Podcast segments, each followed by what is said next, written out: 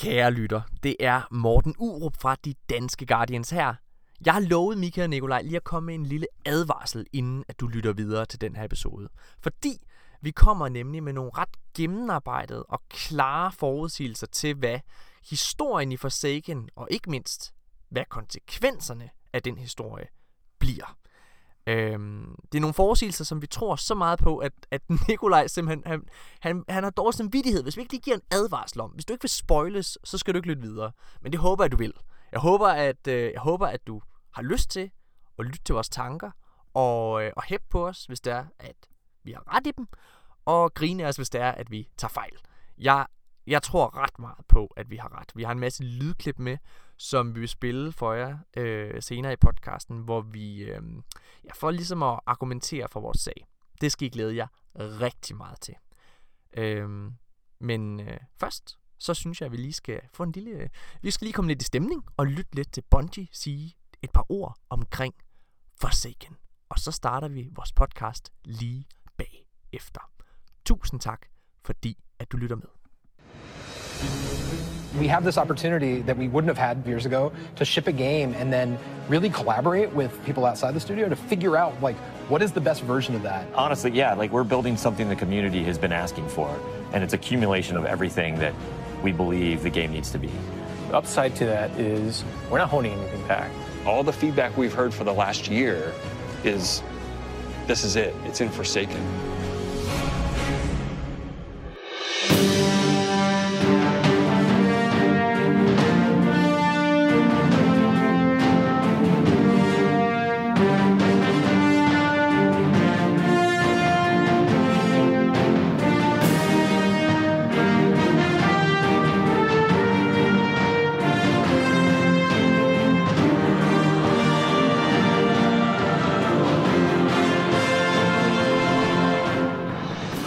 Alle sammen, og velkommen til de danske Guardians.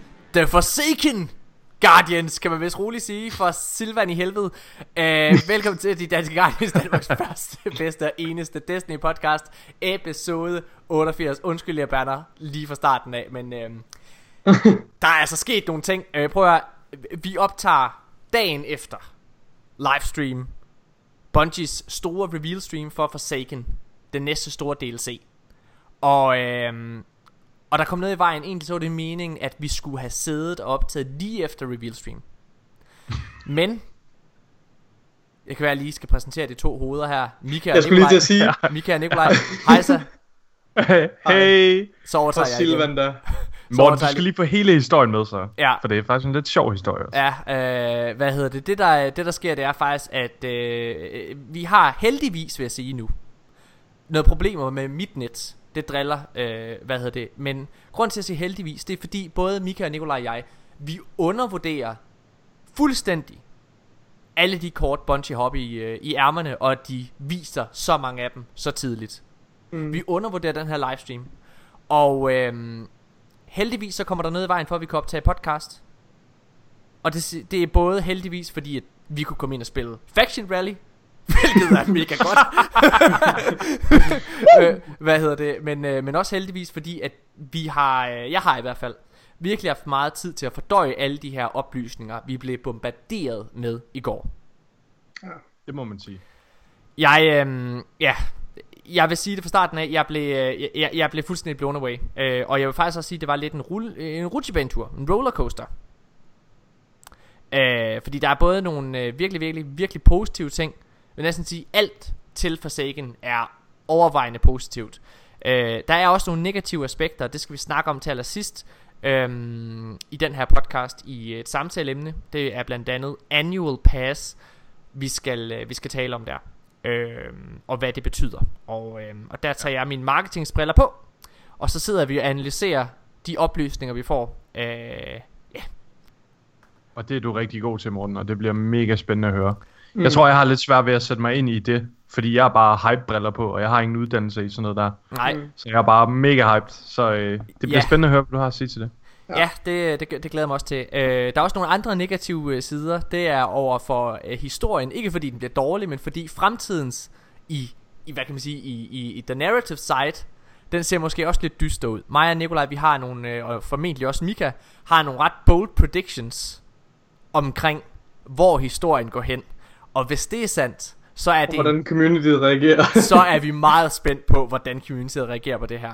hvordan, hvordan den dumpster fire, der er det, den, det, det danske, eller det internationale Destiny community, Ja. hvordan de kommer til at reagere, når det går op for dem. Øhm, det, ja. det, det, det, det, tager vi, det tager vi senere. Til at starte mm. med, så vil jeg gerne prøve, at der er sket så mange ting, så vi bliver simpelthen nødt til bare lige at gå lidt tilbage. Fordi Forsaken, det skal vi nok snakke meget med, og snakke meget om, men øhm, vi skal lige snakke lidt omkring Faction Rally, bare lige super hurtigt vende det. Hvor fucking fedt det er. Ja. Der er, Det er Der går, nok nice. noget, der går nok noget at grind efter, må man sige. Der er virkelig ja, meget at lave. det skal jeg love for. der er Og der er bare et kæmpe kirsebær på toppen af den kage, når vi kommer dertil. Holy moly. Jeg havde slet Mm. ikke fattet, at øh, alle var i stand til at få de her øh, Exotic Catalysts. Jeg troede kun, det var vinderen Du- af, af, af de Du forskellige. troede, det var sådan en, øh, en, en winner reward, eller hvad? Og så valgte du alligevel Future War Cult. Hold da, Ja, du jeg har valgt Future War Det Cult. er virkelig, det er virkelig... Jeg Det er er, godt nok dumt. jeg er. Ej, kæft, det er dumt. kære, kære, øh, kære lyttere, det er jo sådan, at jeg er ret, øh, jeg er en ret loyal person. Og, øh, og min Warlock, som er den eneste karakter, jeg har levelet op her øh, siden Warmind, øh, og jeg er lige blevet 385 med ham. Det er, øh, ha- han er altså, han har altid været en Future War Call kind of gal, og det vil han altid være. Så for mig så var der ingen anden vej. Øh, men hold kæft, for jeg synes det her øh, re, re-own øh, system er fucking Renown. fedt. Renown er øh, mega mega fedt. Virkelig nice. Ja. Hvad, øh, hvad har I Jeg- valgt? Jeg har, jeg har valgt uh, Dead Orbit. Ja. Fordi at de kommer til at vinde på grund af de her Catalyst. Ja, øh, selvfølgelig. Det, altså, det er, Ja. det er Graviton Lands, der er, Ja. øhm, er, er belønningen for, for Dead Ja. Orbit, så selvfølgelig bliver det Dead Orbit, der vinder første gang her. Det er ikke tvivl om. Mig og Nikolaj, vi har lagt en plan for, hvad vi gør. Vi tager Dead Orbit den her gang, Future Warcall næste gang, og så Okay. tredje gang tager vi New Monarchy. Og det er fordi, at det kommer til at være rækkefølgen på, Det, det folk- bliver den rækkefølge, det vinder folk vinder. Ja, Og så sikrer vi os Jeg- alt loot. Jeg kan godt frygte, at, øh, øh, hvad hedder det, at Dead Orbit faktisk vinder to gange. Ja, Ja, Fordi folk også ikke når at få den første gang. Jeg når ikke at få den første gang, øh, har, jeg lige, øh, har jeg lige fundet ud af. Jeg skal afsted øh, i overmorgen. Så er du jo faktisk Så- tvunget til at tage den anden gang. Så er jeg faktisk nødt til, jeg er faktisk tvunget til at tage den anden gang. Øh, og så må jeg tage, øh, jeg er lidt ligeglad med, med hvad hedder det, Sweet Business, med, med New Monarchy. Men jeg tror, Så jeg tror, at Catalyst kommer på et tidspunkt. Jeg kunne ikke forestille mig, at de... ja, ja, de har ikke tænkt sig at Aldrig. udelukke en- den er kaldt for evigt, men, men der går nok, ja, det ved jeg ikke. Du får det i hvert fald ikke i den her sæson. Nej. Så. Men- Jeg synes det... Jeg synes, må jeg bare lige komme med en sidste kommentar? Ja. Jeg synes det fedeste ved det her Faction Rally, og det er det mest coole, de har mm. gjort med det, det er, at de har sat Lost Sectors i spil. Jeg synes, det er så mega nice at køre Lost Sectors, men der har ikke rigtig været sådan nogen grund til at gøre det indtil nu. Men Nej. det er der virkelig nu, fordi nu det, det er den måde, du farmer på. Og det er et mega lækkert gameplay loop, at du klarer nogle public og bounties, eller hvad hedder det, patrols, og så går du ind og clearer en Lost Sector. Det føles mega godt. Det er en, øh, det er en overvældende tid at være Destiny-fan i. Øhm, ja, øh, og, øh, og, og der er så mange ting, vi skal sidde og, og analysere sammen. Øh, og I kan med glæde og med ro og mag sidde trygt og lytte til vores stemmer, fordi nu er, nu, nu er det ved at være lidt vildt med de forudsigelser, vi rammer plet med, må man bare sige. Øhm, vi kommer til det lidt senere, men High Moon Studios står bag. Ja. Hvor er det fedt, hvor Hvor er det fucking fedt. Vi prøver at det så, er se, så sent som i sidste episode, der sad Ej. Nikolaj, han sad og legede djævelens advokat her i podcasten. og, øh, Ja. og hvad hedder det? Og, øh, og legede, og legede Jeg med, legede at med ideen om, at... Øh, Bungie selv havde et studie. Eller et, et, et, øh, en, øh, hvad hedder Det en de gruppe, som lavede de her ting. Ja, ja, men altså selv havde ja, ja, masser. et det er hold. selvfølgelig collabor- collaboration, Ja, ja, ja. men ja, ja, det, det, det, jeg, jeg tænkte, jeg legede lidt med ideen om, at det kunne være, at øh, High Moon Studios først kom på øh, med de efterfølgende DLC'er, Ja. som kommer efter Comet, som så ikke kommer alligevel. Øh, ja. Kom til. Øhm, Det er, den, det er den første udgivelse, vi ser fra High Moon, ikke? Jo. Er det ikke korrekt? Jo. Siden at de jo, det, det, jo, det er det. Det er det første, første gang, hvor de samarbejder om, om sådan stor content. Ja. Øh, hvor for, første gang, der lavede de jo det der gear, vi fik til det det fantastiske, her... flotte gear, vi fik til, hvad hedder det? The Dawning og til, øh, hvad hedder det, Age of Triumph. Age of. Triumph, ja. Raid gear. Men, men, ja. øh, men det er sindssygt spændende, øh, og vi kommer er mere ind på det, og det Fantastisk. er, og, og jeg vil bare lige sige, hvis man går tilbage og lytter til sidste podcast, så kan man høre at jeg går ind og forklarer, hvad det er, der sker med de to mennesker der fra Bungie af, hvad det er for et hold, de har fået sat på, og hvorfor han er blevet forfremmet, ham der, der er instruktør på det, øhm, og har, altså alt, hvad jeg siger der, har jo vist sig at være rigtigt. Ja, Øhm, så det er ret du spændende. den. Kortet den igen, igen, igen. Øhm, hvad hedder det? Så, og det er også derfor, at, øh, at I skal glæde jer lidt til at snakke omkring det her med annual pass, som er en anden, øh, en anden lille marketingsting, som vi skal snakke mere senere. Men inden vi begynder at snakke om alt det her med High Moon Studios, og vi snakker om øh, alt, hvad forsikringen indebærer, så skal vi lige snakke omkring juli måned først. Fordi, mine damer og herrer, allerede den 17. juli, der kommer Solstice of Heroes. Ja. Ja. Og det er øh, og det er faktisk en lidt større pakke end man lige skulle øh, have gået og regnet med. En ting er at øh, Solstice of Heroes øh, ligesom kommer og øh, det kommer Bungie at forklare i en senere livestream. Hvad det indebærer, hvad eventet går ud på. Men med mm-hmm. sig, Mika Højgaard, her bliver du glad.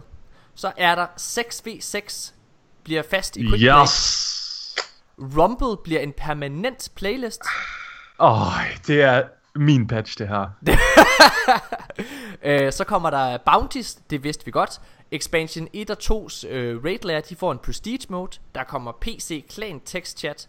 Og så kommer der, hvilket jeg glæder mig rigtig meget til, Year One Triumphs. Det synes Ja. jeg er, altså det glæder Det mig er ret rigtig Det er spændende. Ja. Mm. Tror I, at, tror I, de introducerer et lille system af det der, øhm, vi allerede så på streamen med Triumphs, når man går til videre ind på Ja, sin character stream? Det tror jeg, de gør. Jeg Eller tror, tror du det bare, der kommer en bog? Nej, jeg, måske? jeg, jeg, jamen, jeg, jeg, jeg tror, det bliver sådan en, en hybrid mellem uh, The Record Book, ja. Som vi kender den, og så det, vi ser her. Altså, hvis I husker tilbage ja. Til Year One af, de, af Destiny 1, så var der også sådan en Record Book, der kom.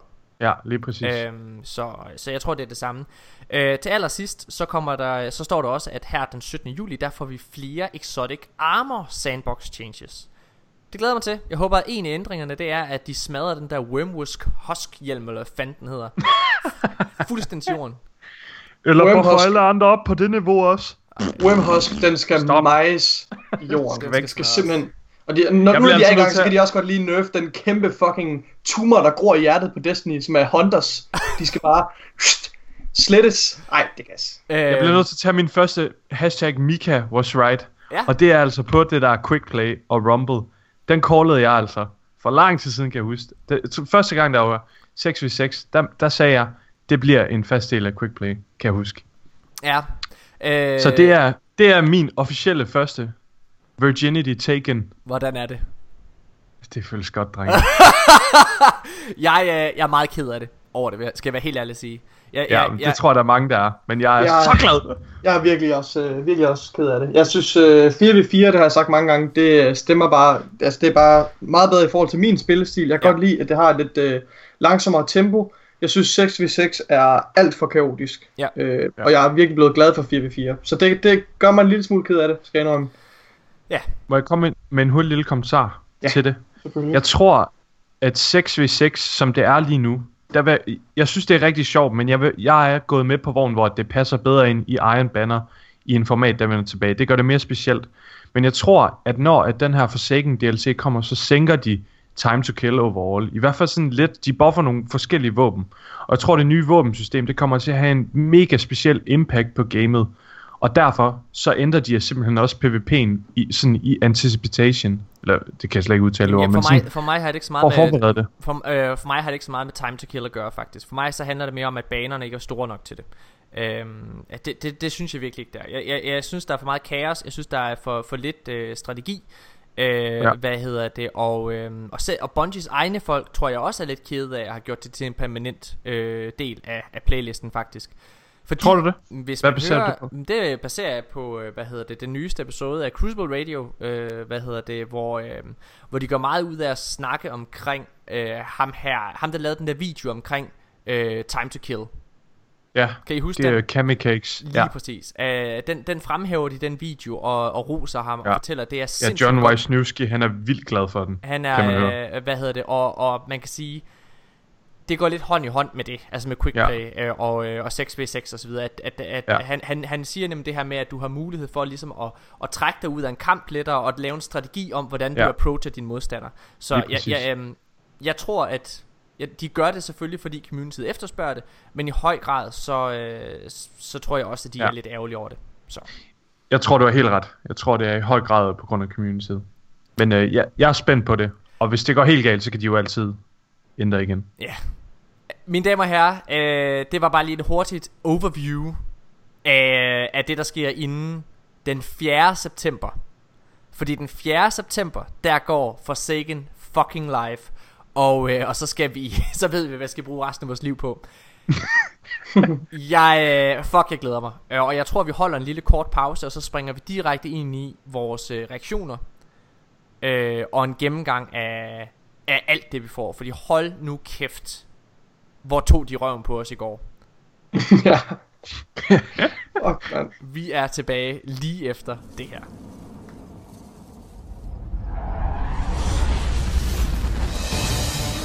We're building something the community has been asking for. We want to be able to give players what they want, but also surprise them. We want this release to have a different tone and a different vibe. You're going to a darker place. You're going to take on a different role as a guardian. We're changing the weapon slots. We're changing how the pursuits work. Gambit is a brand new mode. Armor perks, random rolls, new mod system, new subclass pass. We're making Forsaken for people who love Destiny. Making a game that we can all love. That, that is the goal. That's what we're going to constantly be pushing towards. Everything we're building is through that lens.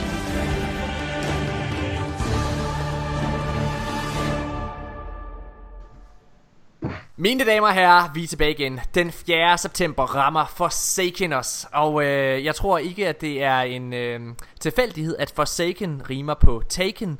For, øh, for det her, det er i høj grad en Taken King-ificering af Destiny. Jeg, øh, jeg er selv overrasket over, hvor stor indflydelse det her det kommer til at have på, på selve spiloplevelsen.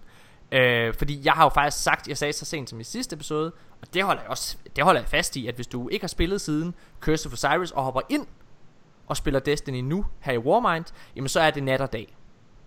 Fordi der har været så mange ændringer og implementeringer ja. og tweaks i, uh, i forhold til hvordan spillet og hvordan grinden fungerer.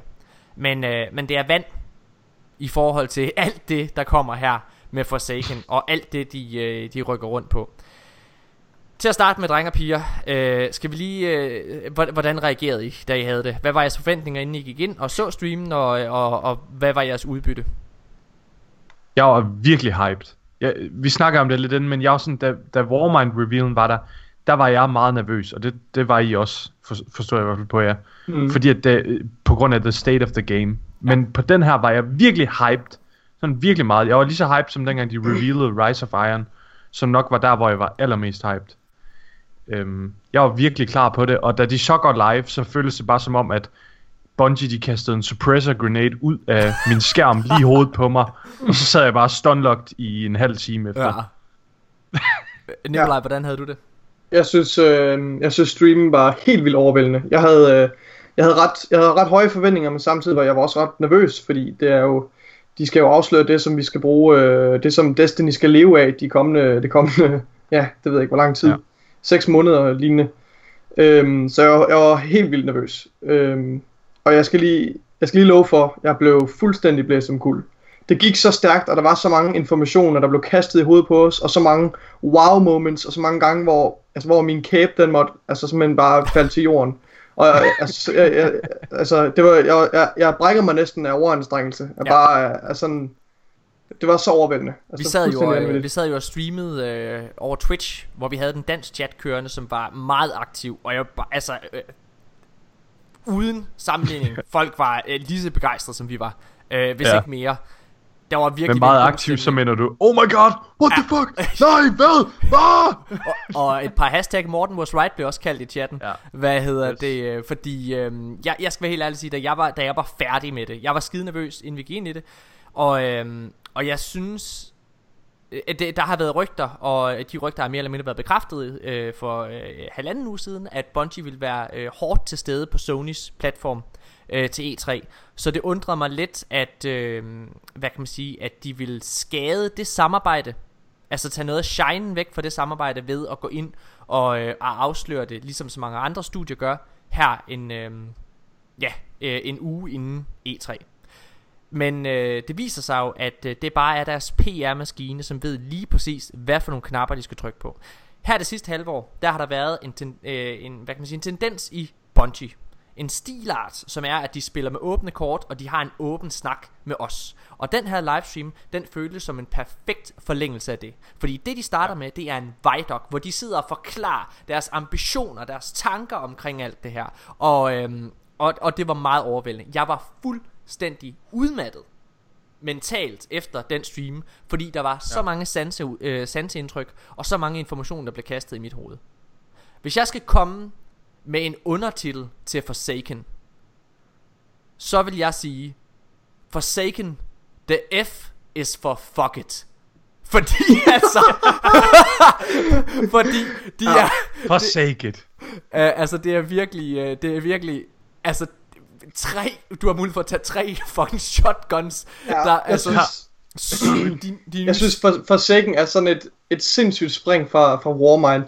Øh, især sådan tematisk og, og visuelt, synes jeg, det er, det er et kæmpe stort spring. Øh, for det, det virker som om, at de der Bungie-folk, de bare alle sammen har, har trippet på syre og spist øh, magisk, magiske svampe, og så bare gået i gang med at lave Forsaken, fordi det er fucking vanvittigt. Der er, altså, det er sådan et, øh, det er totalt steampunk. Du øh, løber rundt på asteroider og sådan et, sådan et øh, fantasi sci-fi land, der ligner noget taget ud af en Tolkien, øh, ja. Ringens Herre, og Totalt.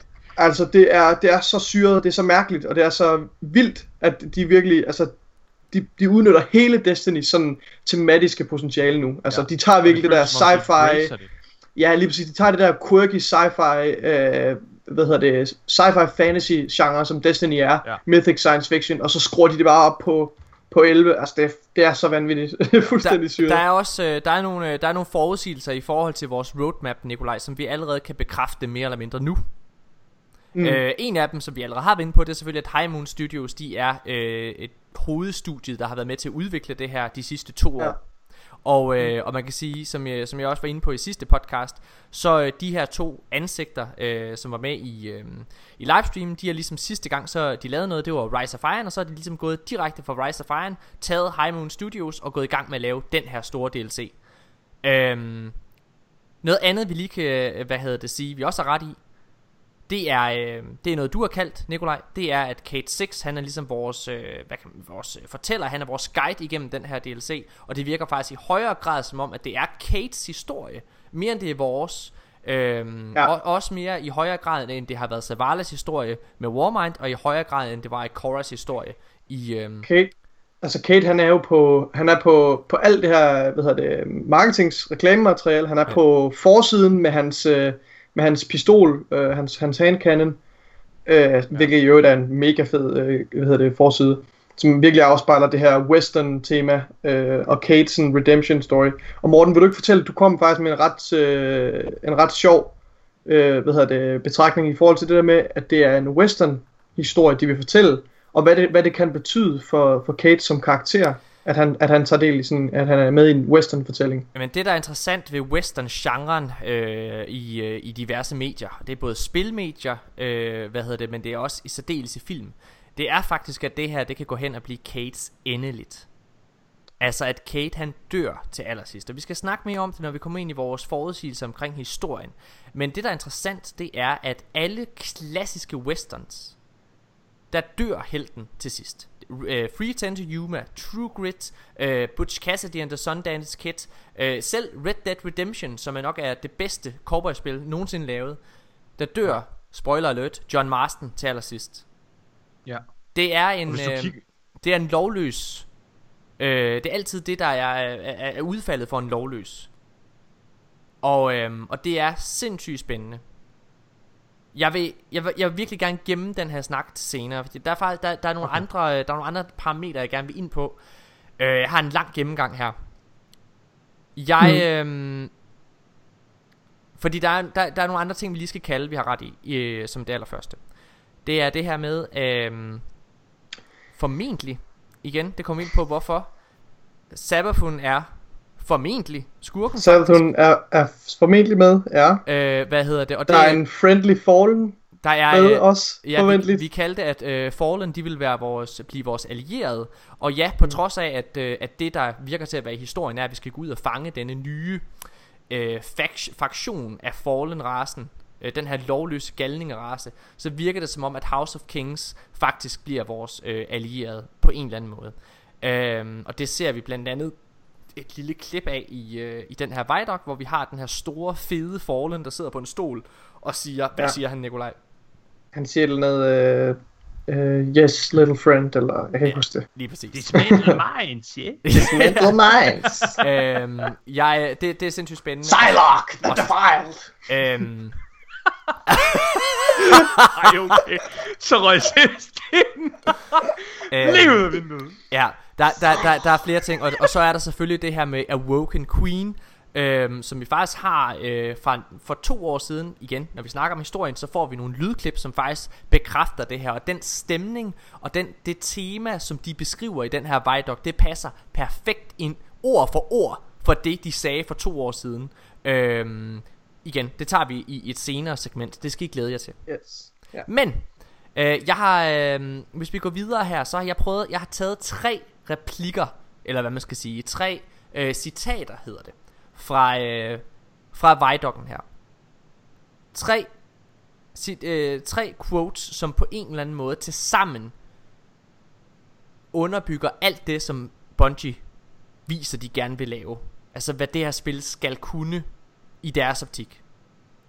Og de, jeg, har, jeg har gjort det på dansk her, men de siger, de har bygget det, communityet har efterspurgt det sidste år. Det skal være et spil, der aldrig slutter. Og allersidst, et spil, vi alle kan elske. Det er målet.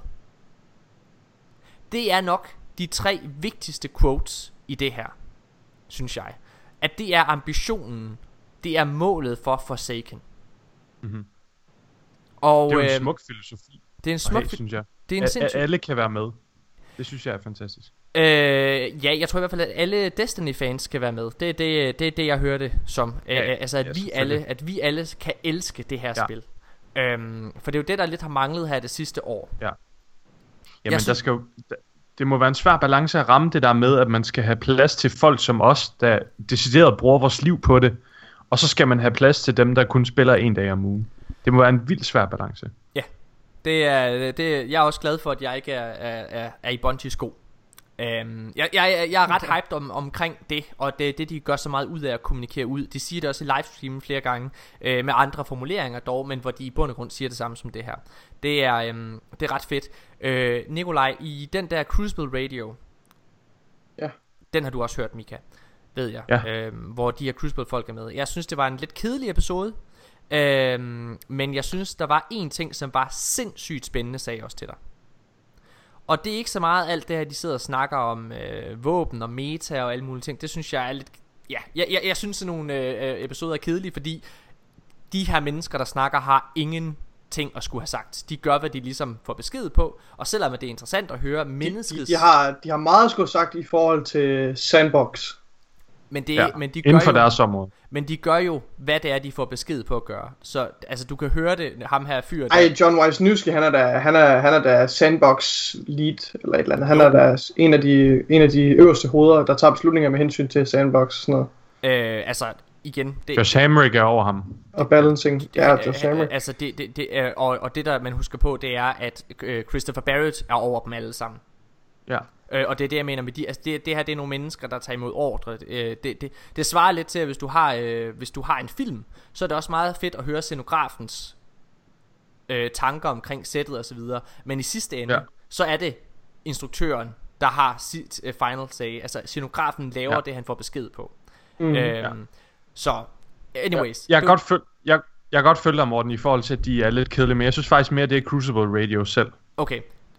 Igen, det er også et lille sidespor. Det, min pointe er, at de siger noget, som er sindssygt spændende. De bekræfter noget, i hvert fald Nikolaj og jeg har snakket meget om øh, bag kulisserne her øh, de sidste ja, halve år, vil jeg sige. Og mm. det er, at der har været et generelt stemningsskift inde i Bungie. Det bekræfter de mere eller mindre herinde. Øhm, og det, der, er- det de siger faktisk, det er, at med Destiny 2, op til Destiny 2, der var det der, der, der blev en mental stemning om, at det var okay at spille andre spil. Luke Smith var ude at sige det her, øh, Deej var ude at sige det her sindssygt mange gange fedt. Det er okay, vi vil gerne have, at I også spiller andre spil og alle mulige ting. Og det gjorde, at de tog lidt mere løs på det, og det gjorde, at målet for Destiny 2 som helhed, det var, at det skulle være let tilgængeligt for alle. Tingene skulle være let obtainable og alt muligt. Øh, men her det sidste halve år, der har der været en, et skift. De er begyndt at spille Destiny meget mere, selv internt. De er begyndt at virkelig gå op i det. Den samme stemning, som var i Destiny 1. De vil have, at den her grind er der. Og det synes jeg er Mhm. fedt. Og det er igen, det er derfor, at det, det, det er også lidt det, som det her repræsenterer. Det her med, de siger, at de har bygget det, communityet har efterspurgt de sidste år. For jeg tror også, de har bygget det spil, som de selv gerne vil have. Det som de kan mærke, det er den her vej, vi gerne vil tage det. Og fuck, jeg vil gerne have, at jeg bare kan sidde og spille det her for evigt. Og, øh, og deres, mental, deres nye mentale tankegang er, ifølge dem selv, at de vil kun have, at du spiller Destiny nu. Og det er det, jeg gerne vil høre. Fordi jeg vil også kun, jeg vil kun spille Mm. Destiny. Jeg gider ikke at Ja. spille andet. Ja. Ja. Jeg, jeg synes, det er vildt. På en måde synes jeg, det er ret interessant, at de, at de med Destiny 2 et eller andet sted var, var nået frem til den konklusion, at det bedste for Destiny var, hvis det, hvis det simpelthen er et spil, der, der ikke er til hobbyisterne. Altså Ja. som ikke er til, til, til dem, der spiller hele tiden. Altså det synes jeg, det, det er vildt at man kan tage men det er jo, det er jo tydeligvis det, der, der skete med Destiny 2. Det var, Ja. det var, det, der var ikke så meget dybde i spillet. Det, det var mere lavet som sådan et øh, hop med og spil, og så, øh, og så gå ud og spille noget andet, indtil der kommer en Det sagde de jo også igen. i det der interview med Crucible Radio. Ja. At de ville have det som, som et sted, hvor du også havde plads til familie og venner og spille Ja, andre spil og sådan Jeg synes bare, det er mærkeligt. Er det ikke det? Det er, no, det er, Er en det underlig mig? Det er filosofi. Nej, jeg mærkeligt. synes også, det er vildt underligt. Øh, men det er det er fuldstændig interessant, at- miskommunikation med, med fansene i hvert fald. Det er interessant, fordi det, det er perfekt overensstemmelse med den udvikling, vi har set. Ja. Altså, Det er nemlig så, så det, er virkelig, det er virkelig spændende øh, at følge med på det, på det plan der. Drenge og piger, jeg tror, vi holder en lille kort pause igen, og så går vi i gang med den egentlige gennemgang af, hvad det er, den her Vidoc, den, øh, øh, og, øh, og selvfølgelig livestream fra i går, den introduceres for, fordi der er så mange nye ting, der kommer, og vi prøver at gennemgå alt, så I får et overblik og vores tanker omkring de enkelte øh, dele af det. Det skal I virkelig glæde jer til. Vi er tilbage lige efter det her. From out of the darkness, our future will come. If we leave the past behind, we'll fly beyond the sun. And we will build bridges up to the sky. and heavenly light surrounding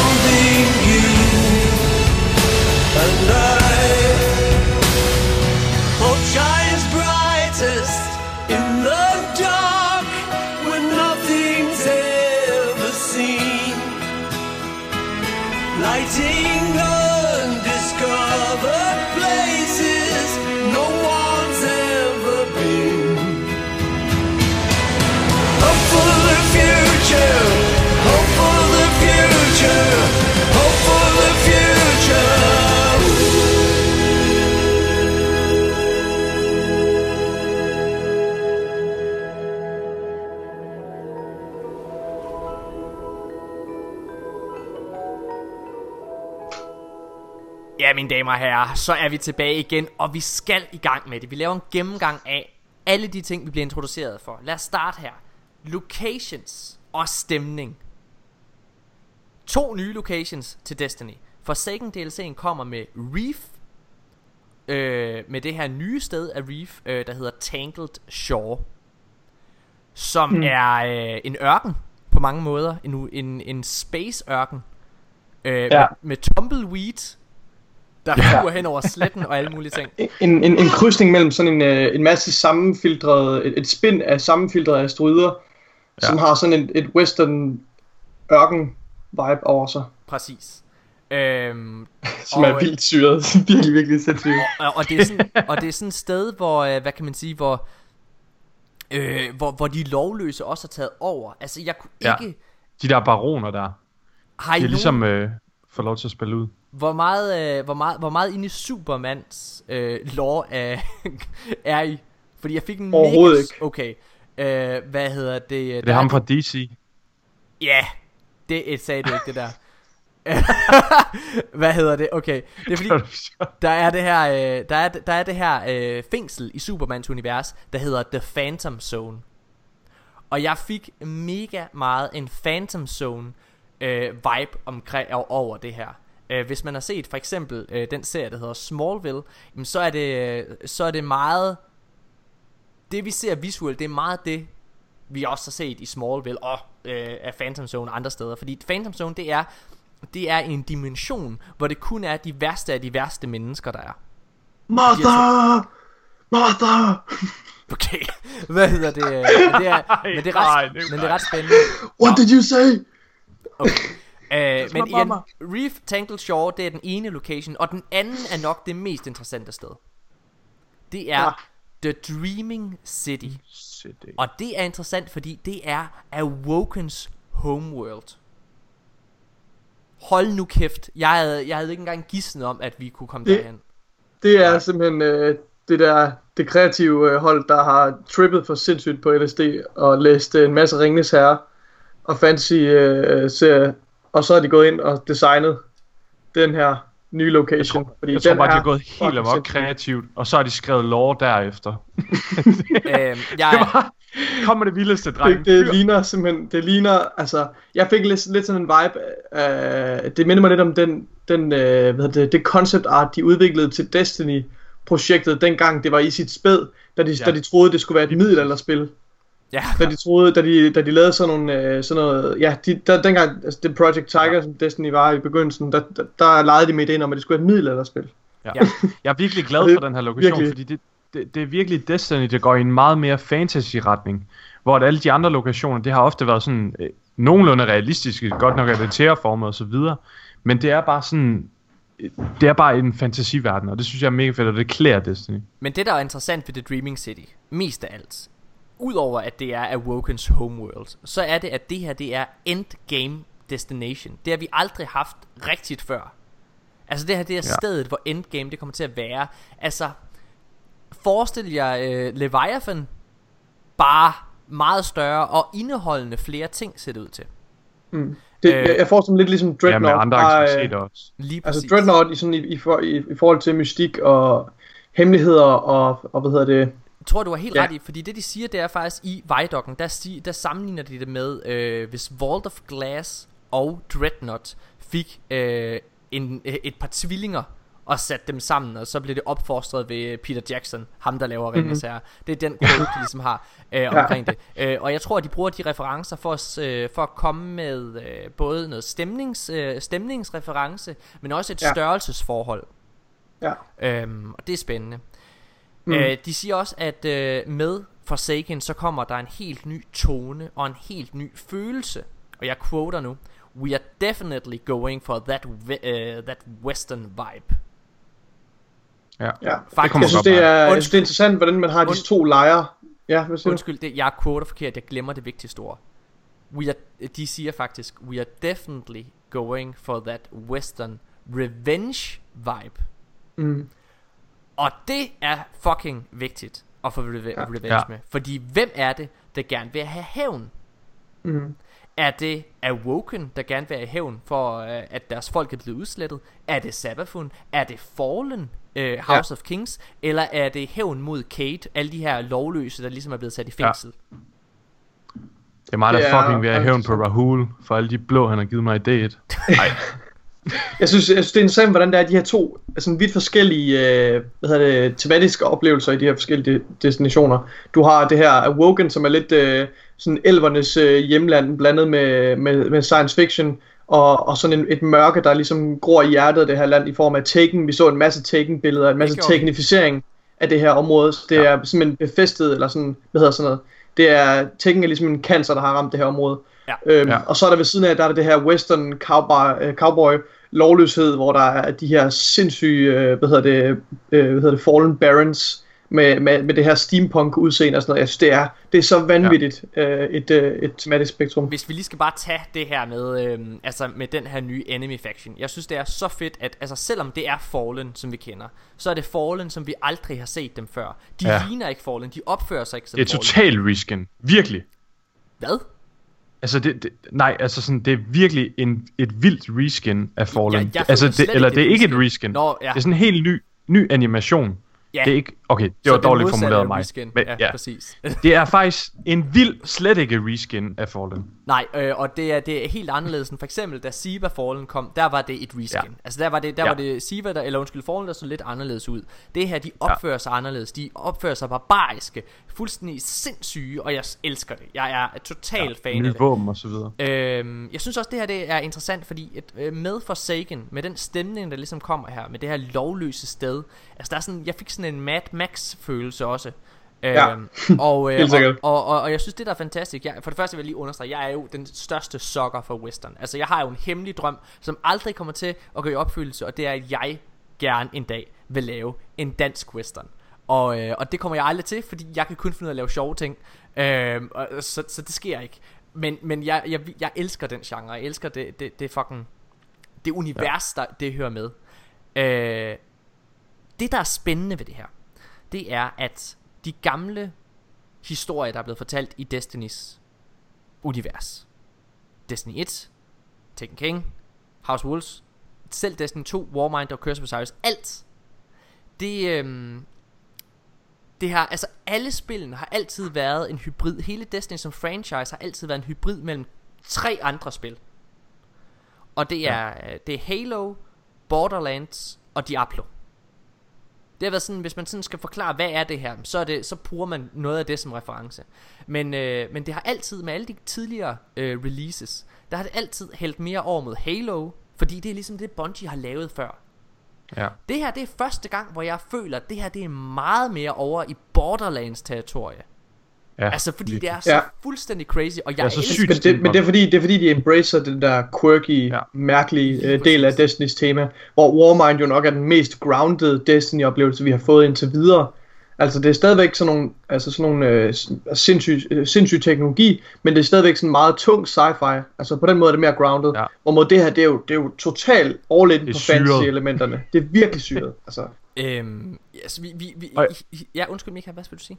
Jeg, jeg synes også sådan, øh, i forhold til Borderlands, så er det bare en vanvittig MMO-følelse, man får med sådan hele den her reveal. Mm. Det er første gang, jeg har sådan virkelig følelsen af, at Destiny bliver, eller sådan går i, i retningen af et MMO, og virkelig embracer det. Ja. Sådan med, med alle de ting, der er revealet, som vi kommer ind på og så videre. Men bare hele den her stemning omkring lokationen og endgame og sådan, det er virkelig en MMO-følelse, jeg, de bygger op. Jeg er enig med dig, jeg er helt enig med dig.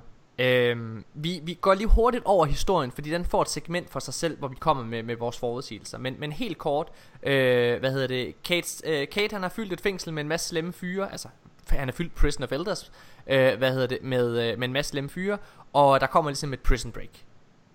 Og så, det der ligesom bliver præsenteret, det er, at jagten på de her øh, outlaws øh, går ud, og det viser sig afsted på Tangle Shore, et sted fyldt med pirater og snigmordere.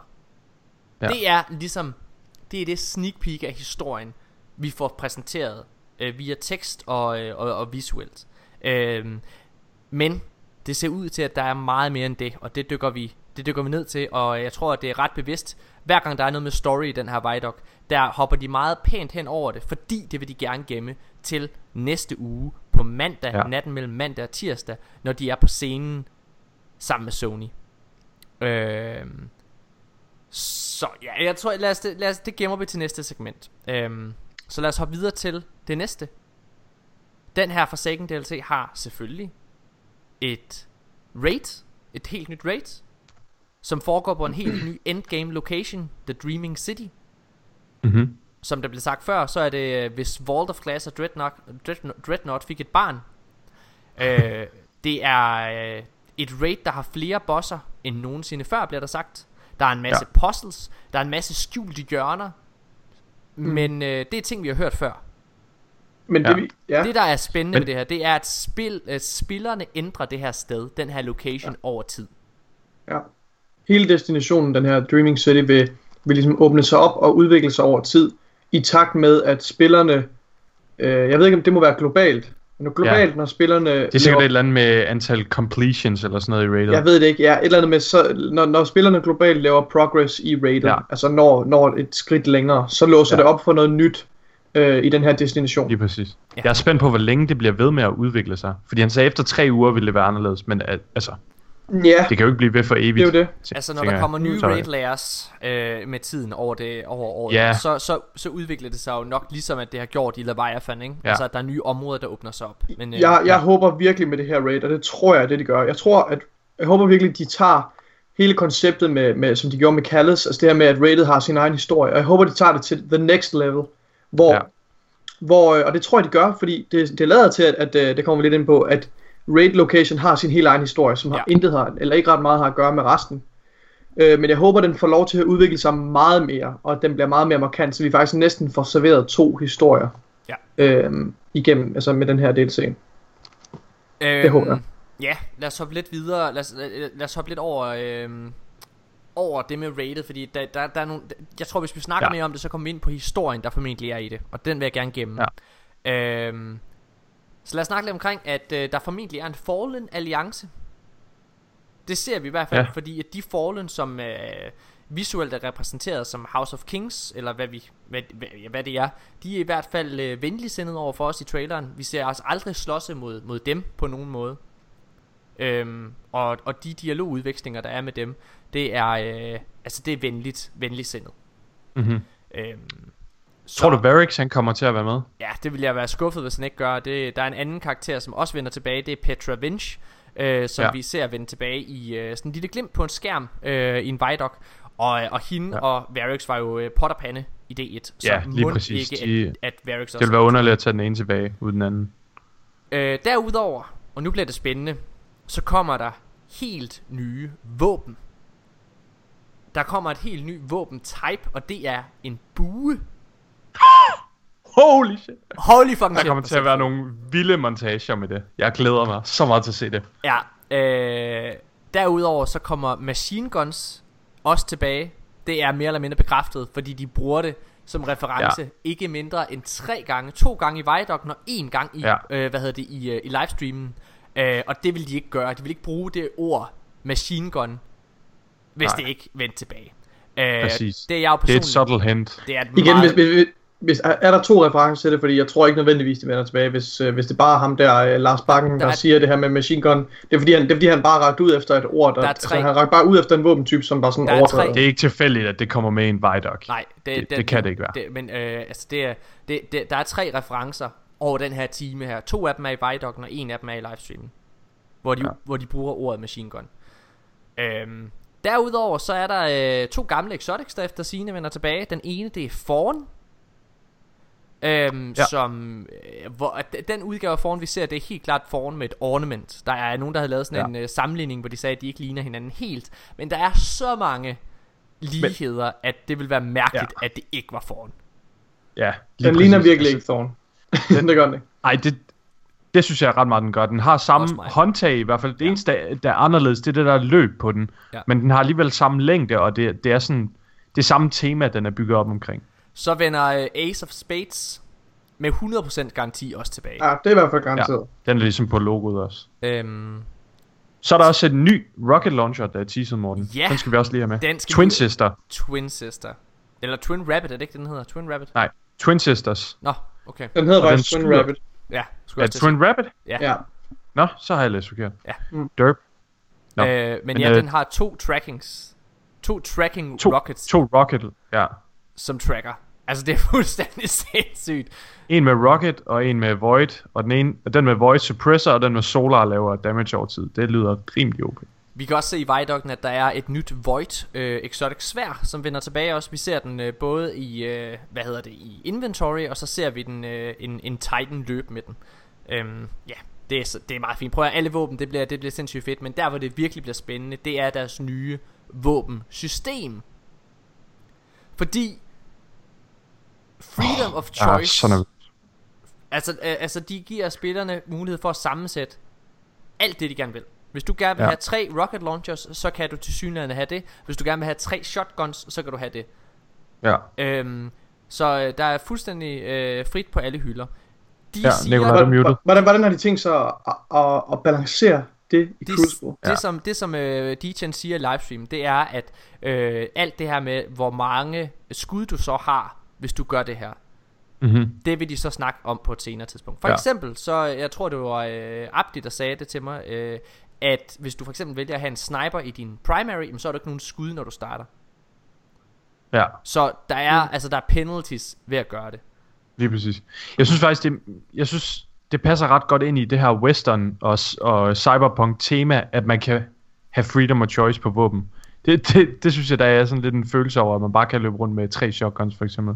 Altså, jeg er ikke, øh, jeg er ikke solgt på det, men jeg har ikke set nok af det nu. Ja, det, det, det, Det er du ikke? Systemet, det virker for, for fremmed for mig, til at jeg helt kan embrace det. det igen, det er ikke fordi, Ja. jeg er nervøs, det er bare, det, det virker bare vildt underligt. Er nok det ord, jeg bruger. Er det ikke, er det, Nikolaj, Ja. ja. er du ikke enig? Ja, altså jeg kan ikke forestille mig, hvordan det skulle hænge sammen. Nej. Øh, men, det- men det er også kun fordi, jeg ikke kan sætte mig ind i det og have forstand på det, at, at jeg synes, det er mærkeligt. Præcis. Men øhm, også, en anden ting af det er så også, at jeg ikke følte, der var nødvendigt, altså det var nødvendigt at pille for meget med weapons loss. Nej. Men det er bare min personlige holdning. Det er ikke, øh, det ved jeg godt, at der er mange, der synes, at øh, weapons... Jeg er savner utrolig glad Destiny. for den ændring. Mm. Jeg synes virkelig, det er fedt. Og jeg glæder mig til at se, hvordan de løser. Men jeg er virkelig også nervøs for PvP. Altså virkelig meget for PvP. Fordi Ja, den også, og det økonomi der, den kan virkelig blive ødelagt. Det er en, øh, det er en god segue, fordi øh, de gør det, jeg håbede, at de aldrig vil gøre. De giver efter igen for communityet. En ting er, at de fucking giver 6v6 tilbage. De gav, og, og hvad hedder det, men nu sidder de fandme game også og kommer med random rolls igen. Random rolls vender tilbage med Forsaken, og det har jeg det øh, sindssygt stramt over. Uh, jeg, Ja. ja. jeg, jeg, ja, det er... Igen, øh, så sent som i forgårs sad vi og, og lyttede til, til en podcast fra Crucible, øh, eller jo, Crucible Radio, hvor de her Bungie developers er med inde, og hvor de fortæller, at random roads ikke er et holdbart system. Altså, at det simpelthen er for vanskeligt at balancere det øh, med et spil som Destiny med sådan en stor sandbox, og så mange, altså hundredvis af, af legendary våben, som hver især har et vis antal forskellige perk kombinationer. Du kan ikke teste det hele, Det er så derfor 9 vil der... 9 perks på hver, nærmest. Ja, øh, det, det, er, det, er for, det er for sindssygt. Jeg aner ikke, hvordan de har tænkt sig, øh, hvordan Nej. de har fået det til at gå op, men jeg tror, det er, det er, det er ikke et 100% øh, frit random roll system. er Der må ikke. være nogle begrænsninger på det, der må være en eller anden måde, de har systematiseret på det, fordi igen, I skal jo tænke på, at det handler, det handler meget om den, øh, hele den øh, udviklingsproces, der er ved at udvikle nye legendary våben. Altså, øh, det er klart, den er blevet meget lettere nu her, efter, efter at de har droppet random rolls, fordi så kan de teste den mod andre våben med de her playtests, og det tager lang tid at playtest. Det tager fucking lang tid, ikke også? Øhm, og, og det, det er blevet meget nemmere, efter de har droppet random rolls, og de vil så gå tilbage til det, det lyder som om, at det kommer til at tage rigtig, rigtig, rigtig, rigtig, rigtig lang tid Men- at balancere. igen, som jeg sagde her tidligere, the F is for fuck it. Det er åbenbart den mentalitet, de har. Altså, det, Ja jeg synes, vi holder en lille kort pause, og så, øh, og så vil vi øh, vende tilbage og gennemgå resten af, af de nye ting, der kommer. Random rolls er helt klart det, som jeg er mest skeptisk over for, vil jeg faktisk sige. Øh, igen, det, øh, jeg ved, der er mange, der gerne vil have det, øh, og der er mange, der har efterspurgt, og tror, at hvis det kommer tilbage, så redder det Destiny. Så øh, der er sikkert rigtig, rigtig mange derude, der er meget, meget glade lige nu. Det er vi bare ikke helt. Eller, nu snakker jeg i hvert fald for mig, Nikolaj. Jeg ved faktisk ikke, Mika, hvor du står med. Jeg er lidt glad. Ja, Lidt Jeg vil- glad, men... jeg vil lige- jeg vil lige se systemet, Okay, jeg jeg bliver nødt til lige at forklare hurtigt, fordi det, det er ikke helt fair bare lige at stryge over sådan der for mit vedkommende så. Jeg synes, at random rolls, det var godt, fordi der var ikke noget alternativ. Men fordi, at der kommer et forhåbentlig et komplet mod-system, så føler jeg ikke, at der var et behov for at introducere random rolls igen.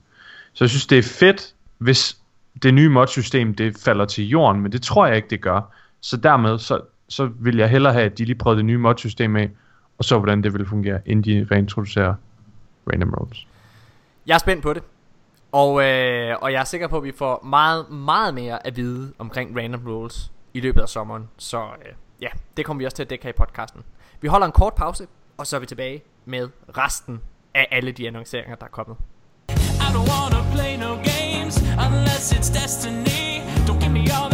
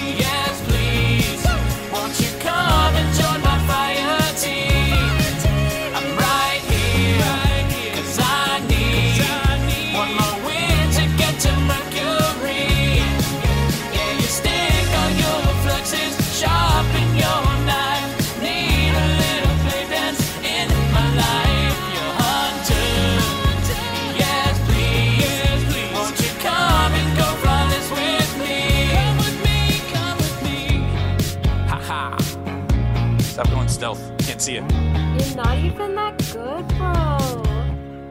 Peace. Ja, mine damer og herrer, så er vi tilbage igen, og vi skal til at gennemgå resten af alle de afsløringer, der kom i gårsdagens øh, livestream.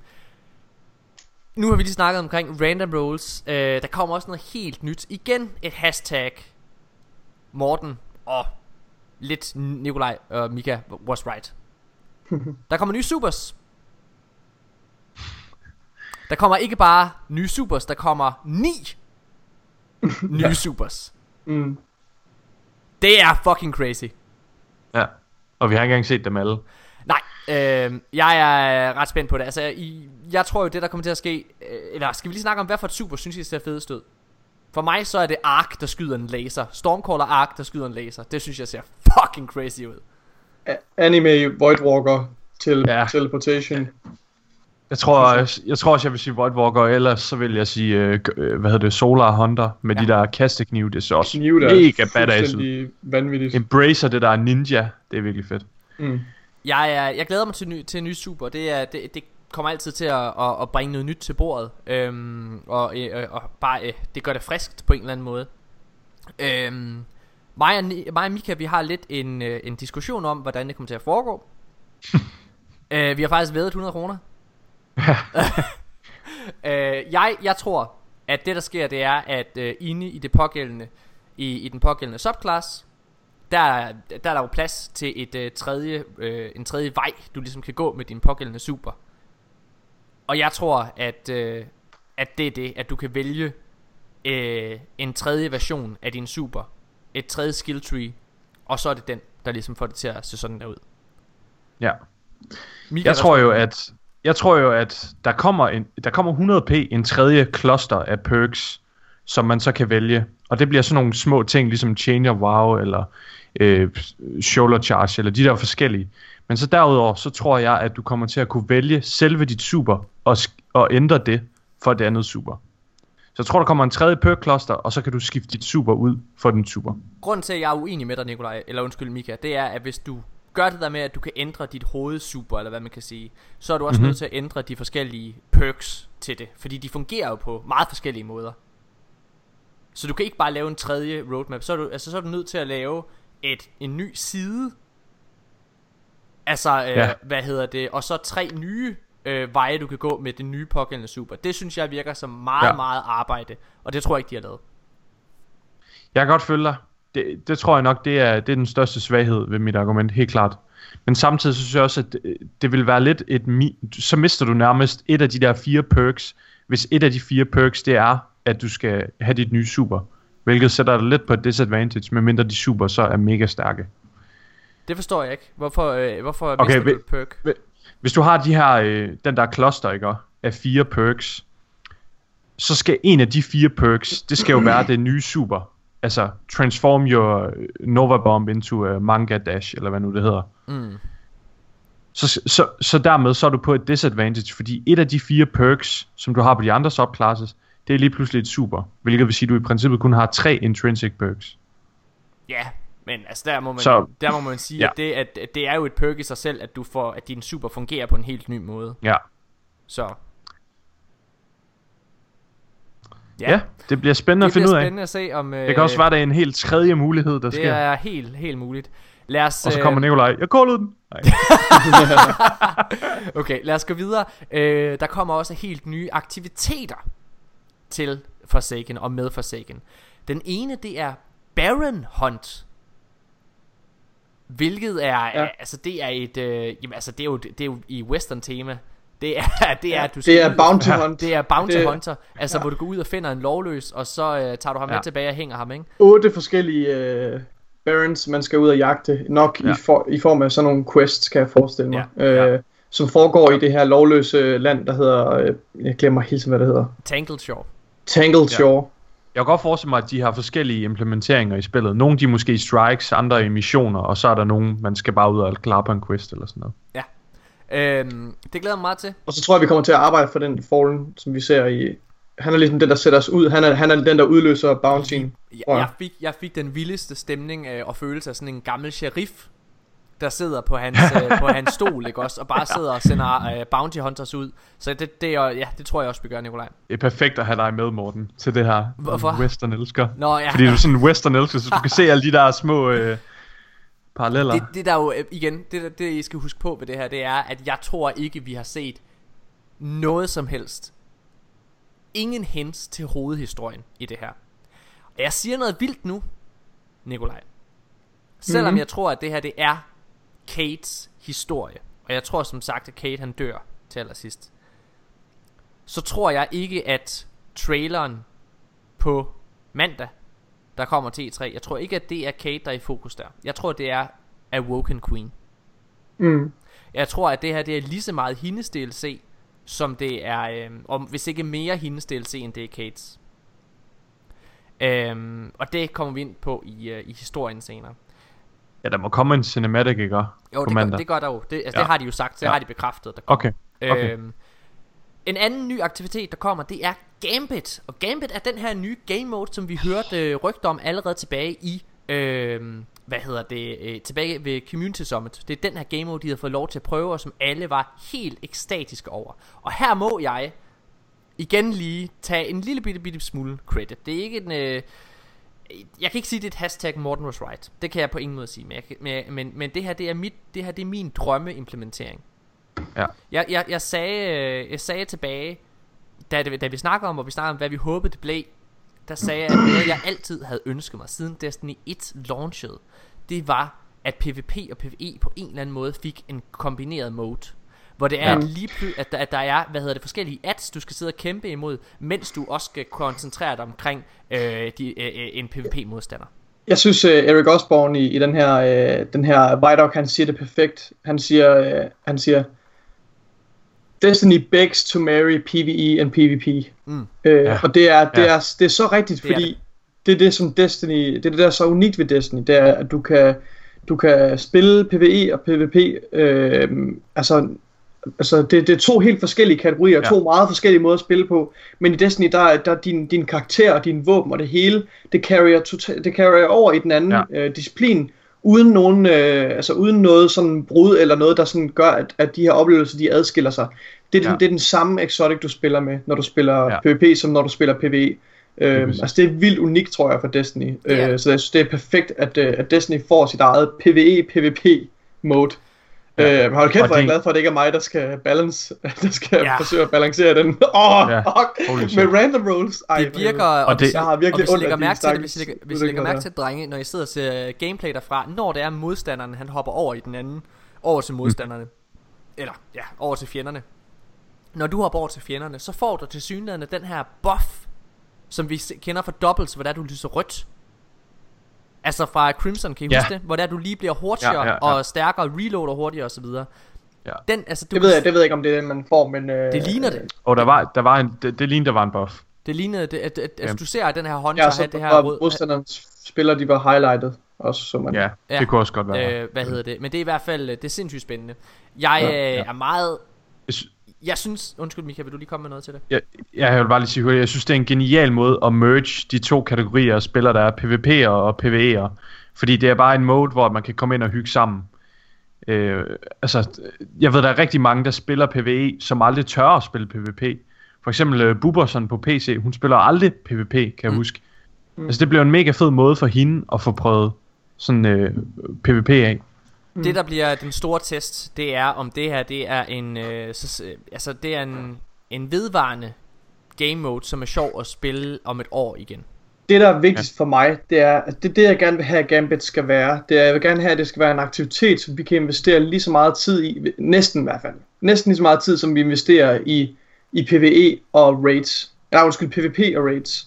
For jeg synes, de to, de to ting, vi i Destiny lige nu bruger mest tid på, det er ja. at raide øhm, og, det, og, og at spille PvP. Det er de to ting, der, der tager mest af vores opmærksomhed i hvert fald. Ja. Det er de ting, vi arbejder hen imod, det er de ting, vi gerne vil være bedre til, det er, det er de, de ting, vi samler folk til, og, og så videre, så videre. Jeg håber, at Gambit kan være den tredje kategori, øh, den, den tredje spilkategori, som får en masse af vores opmærksomhed. Og jeg håber, den kan bære det. Altså, jeg håber, der er nok at lave i Gambit til, at det kan være en ting, vi vender tilbage til Virkelig ofte, mange gange om ugen. Det håber jeg også. Øh, jeg håber, øh, altså det handler jo nok i sidste ende på, hvor, øh, eller det handler nok i sidste ende om, hvor godt lootet er.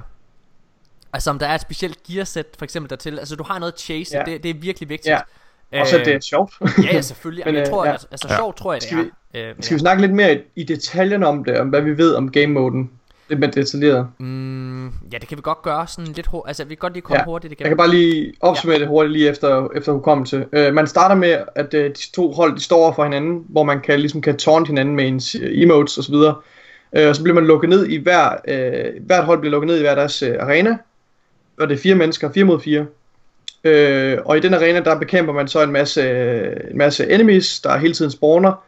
Uh, og når du dræber de enemies, så dropper de sådan nogle, uh, de dropper nogle collectibles, som du så uh, casher ind i sådan en maskine. Ja. Jeg kan ikke huske, hvad de hed. Øhm, dem, du casher ind i sådan en maskine, og når, når, den er så, når den så er fyldt op, den her, når den barn er fyldt op, så spawner der en boss, som du skal slå ihjel, og når den boss er slået ihjel, han har så sandsynligvis nogle mechanics eller et eller andet, så, øh, så har du klaret runden.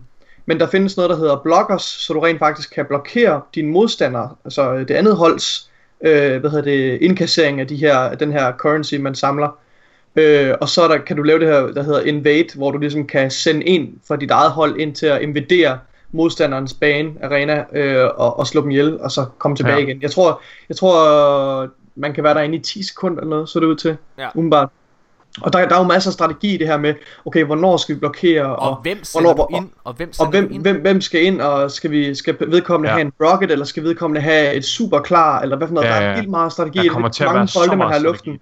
Ja, øh, så jeg er super spændt på at se, hvor, øh, hvor, hvor det kommer hen. Jeg vil gerne, øh, jeg vil gerne gå videre øh, til nogle af de andre ting. Øh, vi får selvfølgelig også et helt nyt power level. Det bliver hintet til, at det nye power level er 600, og det er fordi, at det er i vejdokken flere gange. Øh, det vil jeg have det rigtig godt med.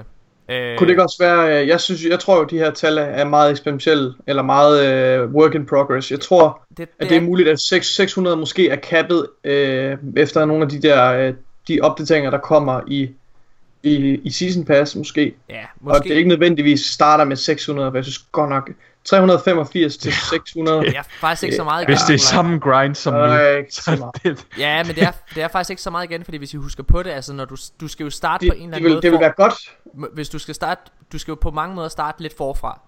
Øh, og øh, der var jo øh, der var jo øh, 305 i øh, altså- i øh, i stigning i, i det originale øh, Destiny 2. Okay, det er rigtigt, ja. Øh, så to men det er jo ikke lige så markant stigning, som der er nu, Morten. Var, jamen, Med, med den måde power... jeg, man jeg tror at siger. kappet er 600. Grunden til at jeg tror det er 600 det er fordi de vælger at bruge det i deres Vidoc og de bruger det flere gange. Og Vidocken det er modsat livestream noget altså livestream der har de jo mulighed for at forklare præmissen for det hele. Det kan de ikke i en Vidoc. Øhm, Mm. Så jeg tror, det, jeg tror det er 200 Og 200 vil være fedt Fordi du har brug for den her grind Ja. Det, det har du altså. Det, altså det, er det, vi, Ja. det er jo det vi efterspørger. Det er også det de Ja. siger. Det er også det de siger de har øh, at de lægger vægt på når vi kommer til annual pass. Og det er jo også, det er også ret fedt det her, det udnytter jo lidt potentialet med, at uh, Iron Banner og Trials bliver Power Matters. Ja, det kommer vi Ja. til senere. Lad os, øh, lad os gå lidt videre i nogle af de ting, vi får afsløret, og det er, at øh, med Forsaken, undskyld, så kommer der også Collections. Og Collections er alt, hvad jeg havde ønsket mig, det ville være. det, det, Det er virkelig at embrace MMO'et. det er, øh, det, det- altså det der er interessant ved det, det er jo, fordi du kan også, øh, det virker til, at du, du til hver en tid bare kan hente det gear, du ligesom har unlocket. Og jeg er ret sikker på, at hvis det er, du, hvis du unlocker det, øh, altså har den, så tror jeg, det bliver sådan lidt ligesom i, øh, hvad hedder det, i, i Vanilla D1, kan I huske, hvis I havde købt noget øh, gear fra Iron Banner, altså øh, igennem Eververse, altså som I havde fået tilbage igennem Silver, Ja. øh, så, så havde det kun sådan 3 i power level, og så skulle det infuse det, og så fik det et random drop. Altså med, med altså et random øh, intellect discipline tal. Og jeg tror det bliver lidt det samme her At hvis du henter dem ind igen De her legendary våben eller noget Så får det et random øh, drop Og jeg tror det bliver ret dyrt Jeg tror det er det vi kommer til at bruge vores legendary shards på Hvilket vi også mangler noget at bruge på Så det er fedt øhm, Og så har de fikset vault space Ja. 200 increase, var det? Ja, Altså det er øh, altså en ting er jo det her med at vi får, vi får collections. Det løser jo mit problem rigtig rigtig. Kan man ikke, kan man ikke gemme sit armor ind i collections? Det kan man ikke, eller hvad? Nej, det tror jeg ikke du kan. Det skal ligge ind i vaulten. Det skal ligge i vault. Jamen så har du mange, og det er jo ikke alt armor du gider at gemme. Altså du har det jo, du kan altid hente det, hvis det er du gerne vil have det der chest piece for rated for eksempel. Du kan altid gå ind og Mhm. hente den, så skal du bare infuse den op og få det rigtige, de rigtige perks på, som du gerne vil have. Ja. Mm. Jeg håber, det er en substantiel pris. Mm. Ja, Fordi det- ellers så, så, så negligerer det lidt, at du har et våben inventory og gear inventory. Sådan. Ja. Øh, Nikolaj, vi skal til det, som jeg var allermest begejstret for faktisk. Det er en lille ting, men det er noget, jeg har efterspurgt længe, og det har du især gjort. Mm. In-game Grimoire. Ja. Der kommer Det er i hvert fald det, uh, ikke, ikke nødvendigvis in-game, Grimmer, men der er i hvert fald en, et in-game codex system til loven. Uh, som jeg forstod det, så kan man samle nogle collectibles, du finder ude i verden, og så bliver det ligesom gemt ind i den her, uh, ind i den her codex. Men det er ting, jeg tror du ikke... læse. øh, Det er ting, du kan læse. Det siger han i, i uh, livestream. Han siger, du kan gå ind Ja, og læse de her ting. Og hvis du Men- lægger mærke til det, Nikolaj, under Annual Pass, så er der også, øh, hvad hedder det, Lore Collection. Altså, du, du kommer til at kunne få, ikke også? Og der er der en bog som ikon. Så jeg tror i den Mm. grad, at det er nye historier, nyt lore, du skal læse det. Jeg tror, at det er det er Grimoire øh, appen, eller hvad vi skal kalde det, fra, fra Destiny 1, som vi kender det. Jeg som håber, jeg, at det er den, der kommer her. Og, Ja. og, og det jeg baserer det på, det er, hvis øh, der var alle mulige forskellige tal. Altså der var nogle forskellige øh, scannables, du skulle ud og finde, og noget du gjorde det, ikke også? Så, øh, ja, så fik du et eller andet. Jeg tror, det var det emblem eller et eller andet, du fik, ikke? Jeg tror, det var Mm. det, de sagde. Øh, men det, der er interessant, det er jo, i Destiny 1, der havde du også alle mulige forskellige ting, du skulle unlocke, og når du havde gjort det, så havde du ligesom alle Grimoire cards. Altså, så havde du et højt tal. Altså, det virker meget som om, at de ting fra Destiny 1, de vender tilbage. Mm-hmm. Det Mhm. synes jeg er fedt. Mm. Så kommer der også record books, som vi også kender fra D1, altså Triumph. Og det synes jeg er mega fucking nice. Mm. Um, altså det er igen det her med, at du altid har noget at chase på en eller anden måde. Det er bare fedt. Ja. Ja. Ja, han sagde, han sagde sådan, at øh, en af de ting, han elskede ved D1, jeg, jeg kan ikke huske, om, er det Lucas, han hed, eller Luke, eller, nej, anyway. En af dem, han sagde, at en af de ting, han elskede, det var, at når han havde en quest, som han kunne klare på samme tid med at klare en bounty, som han kunne klare samtidig med, at han skulle klare det her og det her. Og det tror jeg, at den der øh, Triumph Bone kommer til at rig- være rigtig meget sådan med, at man går ind og grinder Ja. for evigt. Ja, han sagde det med, at man, man, føler sig, man føler sig klog, når man, når man øh, kombinerer, altså når man prioriterer Ja, den præcis. activity, der gør, at man klarer flest mulige ting samtidig. Ja. Alt det her. Ja.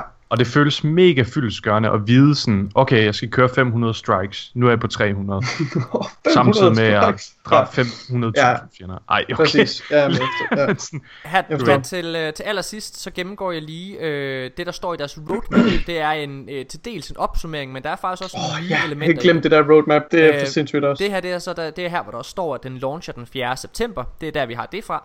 Øh, nå, jeg læser lige højt. Vi får med for Sagan Ga- øh, undskyld, Gear Collections, In-Game Triumphs, Weapon Slot Changes, Weapon Randomization, Mod System, Mod System Update, Bulk Shader Deletion. Åh, Vi kan slette alle vores shader på en gang. Fuck, hvor nice. Så kommer der New Crucible Mode. Det er Gambit. Og så kommer der... Nej, Nej, det tror jeg ikke. Ny Crucible mode. Crucible og Gambit er jo to helt forskellige ting. Okay. Det, er en, Ja. det er en ny mode til Crucible. Okay, det er jeg glad for at høre. Jeg tror, jeg tror det bliver Rift eller, Bare det ikke er, øh, bare det ikke er eller showdown. Elimination. Jeg tror det er Rift eller. Elimination. Øh, den første skuffelse for live, eller for, ikke for livestream, men for det, det er det her. Fire nye Crucible baner. Det synes jeg ikke er særlig mange. Så kommer der 200 additional vault space, øh, vault space slots, så der er 500 i total. Der kommer ja. in-game lore. Der kommer nye bounties. Og så kommer der Power Matters til Iron Banner og Trials. Og meget mere. Øhm, det er jo fedt, at, altså det at Power Matters vender tilbage, altså det, jeg synes det er fint, jeg synes det er dejligt, jeg synes der er, der er et eller andet mentalt ved at gå ind og så spille øh, Trials, hvor du ved, at du bliver nødt til at have de bedste, højeste light gear på. Det, det, det, det forbereder dig mentalt på, på det du skal gøre. Ja. Øh, Det savnede jeg rigtig meget ved D2 launch. Virkelig Ja, meget. ja, altså- jeg ved godt, at det, det, det bliver... Det, det er ikke rigtig vigtigt en uge eller en måned efter, at en DLC den er udkommet, men det giver en følelse af, at aktiviteten den er lavet til endgamet. Og når du spiller Trials eller Iron Banner, så er du ligesom en af de aktive spillere, der har forberedt dig på det her event, og det er ikke bare, la la la, jeg går lige ind og spiller. Jeg synes det fede det er selvfølgelig det her med At nu når det er at 6v6 er normalt i Crucible Så der skulle et eller andet til for at gøre Iron Banner. Ja. specielt Så det er der der Ja. Vi holder en, øh, en kort pause mine damer og herrer Og så skal vi til at snakke omkring historien og forudsigelserne dertil. Det glæder mig sindssygt meget til. Vi er tilbage lige efter det her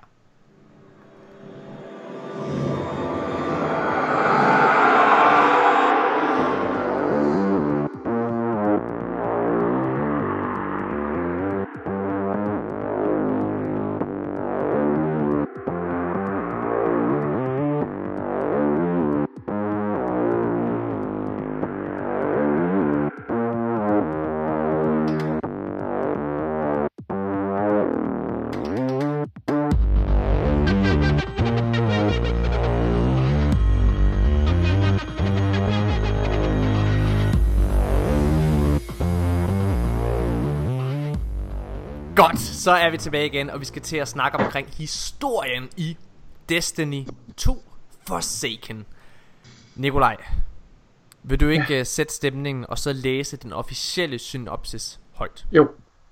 Hvis man går ind på øh, destinythegame.com, som er Bungies, øh, det er simpelthen hjemmesiden for, for Destiny-spil, øh, der kan man finde en lille beskrivelse af historien, og det er indtil videre den mest detaljerede øh, beskrivelse, vi har af historien, synopsis. Øh, jeg læser den højt her. Destiny 2 Forsaken. Following years of strife, what remains of the reef has fallen to lawlessness. You and Kate Six are sent to personally investigate the secret, the recent unrest. Upon arrival, you soon discover the most wanted criminals in the prison of elders have organized an escape. Beyond the Vanguard's authority, you'll pursue these fugitives deep into the reef. Explore new regions, awakens, awaken new powers, earn powerful weapons, and uncover long lost awoken secrets. The hunt is on. Nikolaj, jeg ja. synes dig og mig skal lade Mika beslutte, hvad for et samtaleemne vi går i gang med først. Ja. Mika, skal vi snakke omkring Awoken Queen, Skurken eller Kate Six, der dør? Jeg synes, vi skal gemme skurken til sidst. Okay. Nej, vi gemmer Kate til sidst. Awoken Queen først. Ja. Så skurk, og så Kate. Okay, ja. mine damer og herrer, øhm, som I sikkert lægger mærke til, så er Awoken Queen faktisk ikke beskrevet i det her. Mm. Øhm, Det, det er nok meningen, at det hun ikke er er- beskrevet. Fordi hun kommer uden tvivl til at spille en stor rolle i den her DLC. Vi skal jo tilbage til Reef, og vi skal tilbage og udforske øh, Awokens hjemland. Vi skal lære, ja. Hvad var det, der skete, da, da mørket og lyset øh, forenede sig øh, ved, ved asteroidebæltet og skabte The Awoken.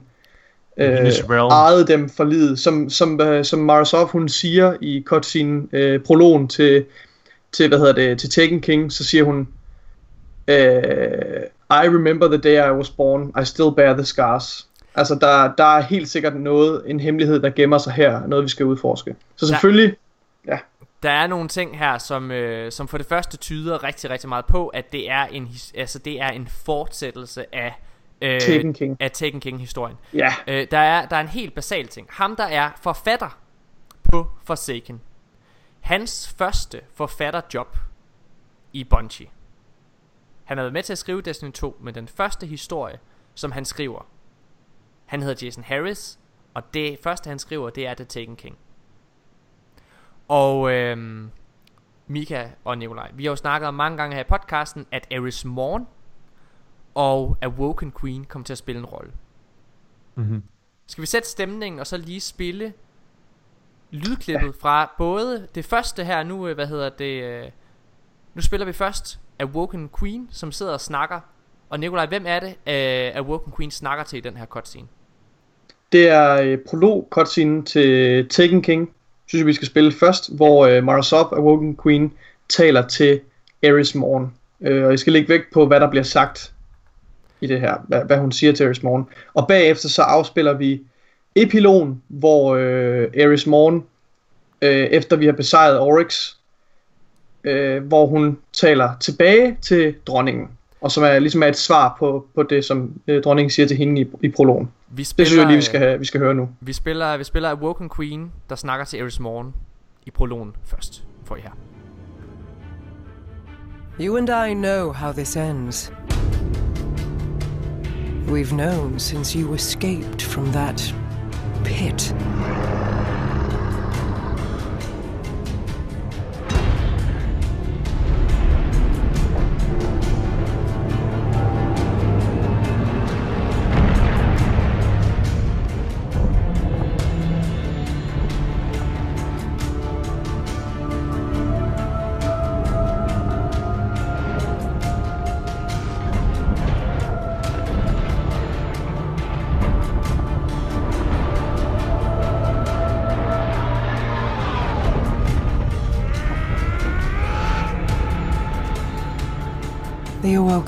Played their part.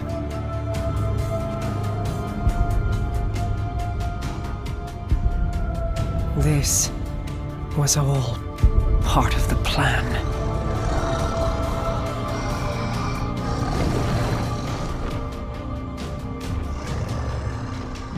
Guide them, my hidden friend. It is all up to you now. Ja, øhm, det er jo som sagt Mara Soft, der taler til Eris Morn, og det ved vi, fordi hun siger, my hidden friend, og hidden, øh, til de af jer, der ikke vidste det, så Eris Morn, hun er med i Ikora's Hidden, øhm, og så siger hun også, øhm, øh, at de har, hun taler om den her plan, de har sammen, øh, med at øh, hun siger, the Awoken have played their part, øhm, og nu er det Ares' tur til ligesom at, at samle faklen op og sørge for at tage den her plan videre til næste skridt. Øhm, øh, så ja, Og så synes jeg, at vi skal spille epilogen nu. Ja. Skal vi gøre det? det gør vi.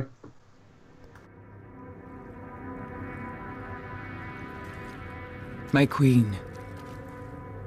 You were right. The Guardian was the key. For the first time, the whispers are silent. It is done.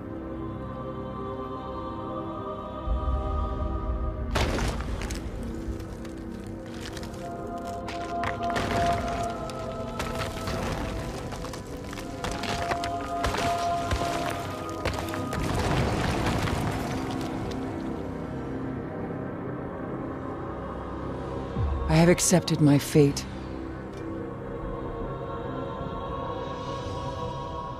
I will not fail.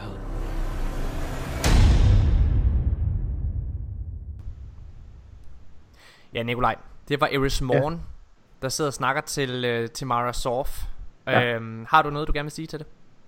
Øhm, ikke andet end, at der helt sikkert bliver lagt op til øh, det, det her med, at øh, Marasov hun skulle angribe Oryx's flåde ved Saturn og ligesom sørge for, at han ikke nåede længere end dertil. Det var det første led i deres store plan. Øh, it was all part of the plan.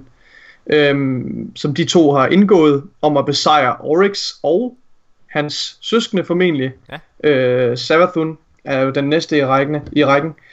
Øhm, det er helt sikkert en større plan, der bliver lagt, til, lagt op til her, fordi ja. Ares hun siger til allersidst, øh, hun har accepteret hendes skæbne, altså nu er det hendes tur. Nu er det hendes tur. Marasov har offret sig i godsøjne, har offret sin flåde øh, for at bekæmpe Oryx, og nu er det altså hendes tur til at, at, at tage det næste skridt i planen, og hun har accepteret, accepteret sin skæbne, og hun kommer ikke til at fejle, siger hun. I sidder sikkert derude og tænker, men hvorfor er det, altså hvorfor er det, I er så sikre på, at Awoken Queen er med i den her historie? Det er jo det er et meget løst hint, at, øh, at forfatteren, det første han skrev, det var The Taken King. Og øh, det er et meget løst øh, altså skud i togen. Der må være noget andet, I er baseret på. Men det er der også. Og øh, noget af det, vi for det første baserer det på, det er, at, som Nicolaj, du var inde på her til start med, det foregår i Reef. Du kan mm. ikke lave en historie, der foregår i Reef og omhandler Awoken Homeworld, uden at have uh, Awoken Queen med i historien. Og hende og Ares Mm. Morn er altså forbundet. Det har I også lige hørt her i cutscene. De to karakterer er forbundet med hinanden. Så er Ares, eller er Awoken Queen med, så er Ares Morn også med. Og det der er interessant, det er jo, altså, ja, det vil svare til, at de havde lavet, øh, det vil svare til, at de havde lavet Warmind uden Rasputin. Altså, det, det kan du ikke gøre. Det er så Nej. centralt et emne for Destiny's lore, at det vil være skide op og ned af ryggen på øh, de pågældende fans. Det andet, det er, som vi snakker om i, i gennemgangen af, hvad der, hvad der kommer med, Petra Vench er tydeligvis en karakter i det her, og hun er loyalist over for Awoken Queen uh, en masse. Altså hun er så loyal. Petra Venz er den, der har fået, øh, fået hvad hedder det, lederrollen i, øh, blandt øh, The Awoken efter, øh, at Marasov formodes øh, dræbt Præcis. i det her slag. Øh, så er det ligesom med hende, der forsøger, altså Petra Venz, der forsøger febrilsk at holde, holde, øh, holde deres, øh, deres, øh, deres, organi- hvad hedder det, deres Organisation. organisation, gruppe, folk Ja. øh, samlet. Ja. Men ved de ikke, at uh, Aldrin er i live?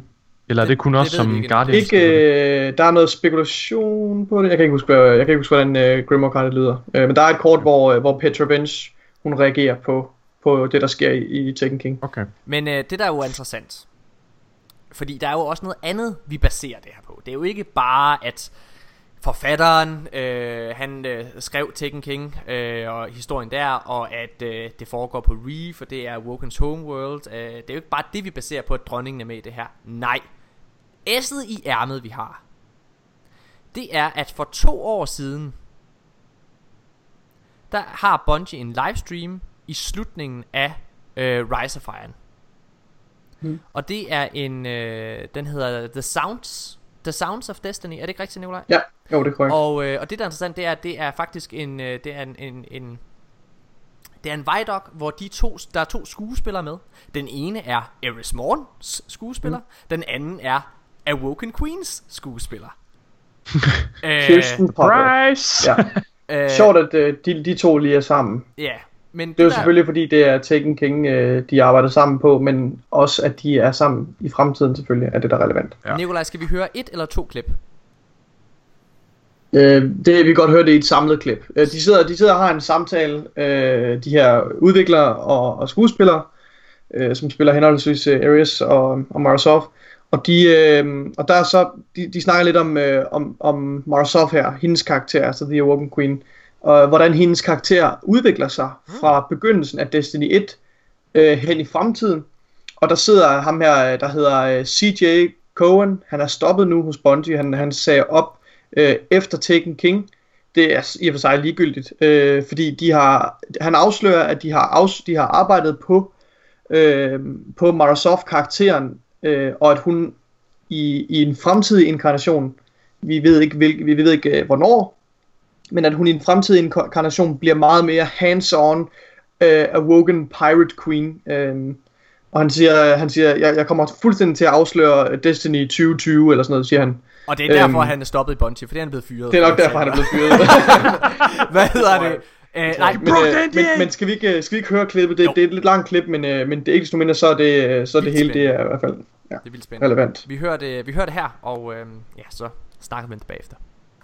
and they said that the queen is having a, a journey and this is the beginning and don't show all your cards at the first you know in the first round and that made so much sense Got big plans for you. Yeah. So what was that like for you to get that feedback from a player and, and to think, be like, okay, well, this person doesn't want to play that role that way. We want this person to play the role. Like, how do you incorporate that into your process? It made us love Kirsten even more, and we, we, we had we had seen we'd spent two or three years working on the previous version of the Queen, where she was the pirate that she described and very powerful and had the had the lower, deeper voice and really got gritty um, in, in an amazing way. And so we we'd seen that, we knew that you had that in you, Yeah. um, and we felt like if we could start at a different spot and get to that eventually, and this is totally spoiling like Destiny 2020 or something, but um, when we get to that world uh, down the road where that original pirate queen comes out, I, I think it's fight. I think I think it's gonna be a really powerful moment.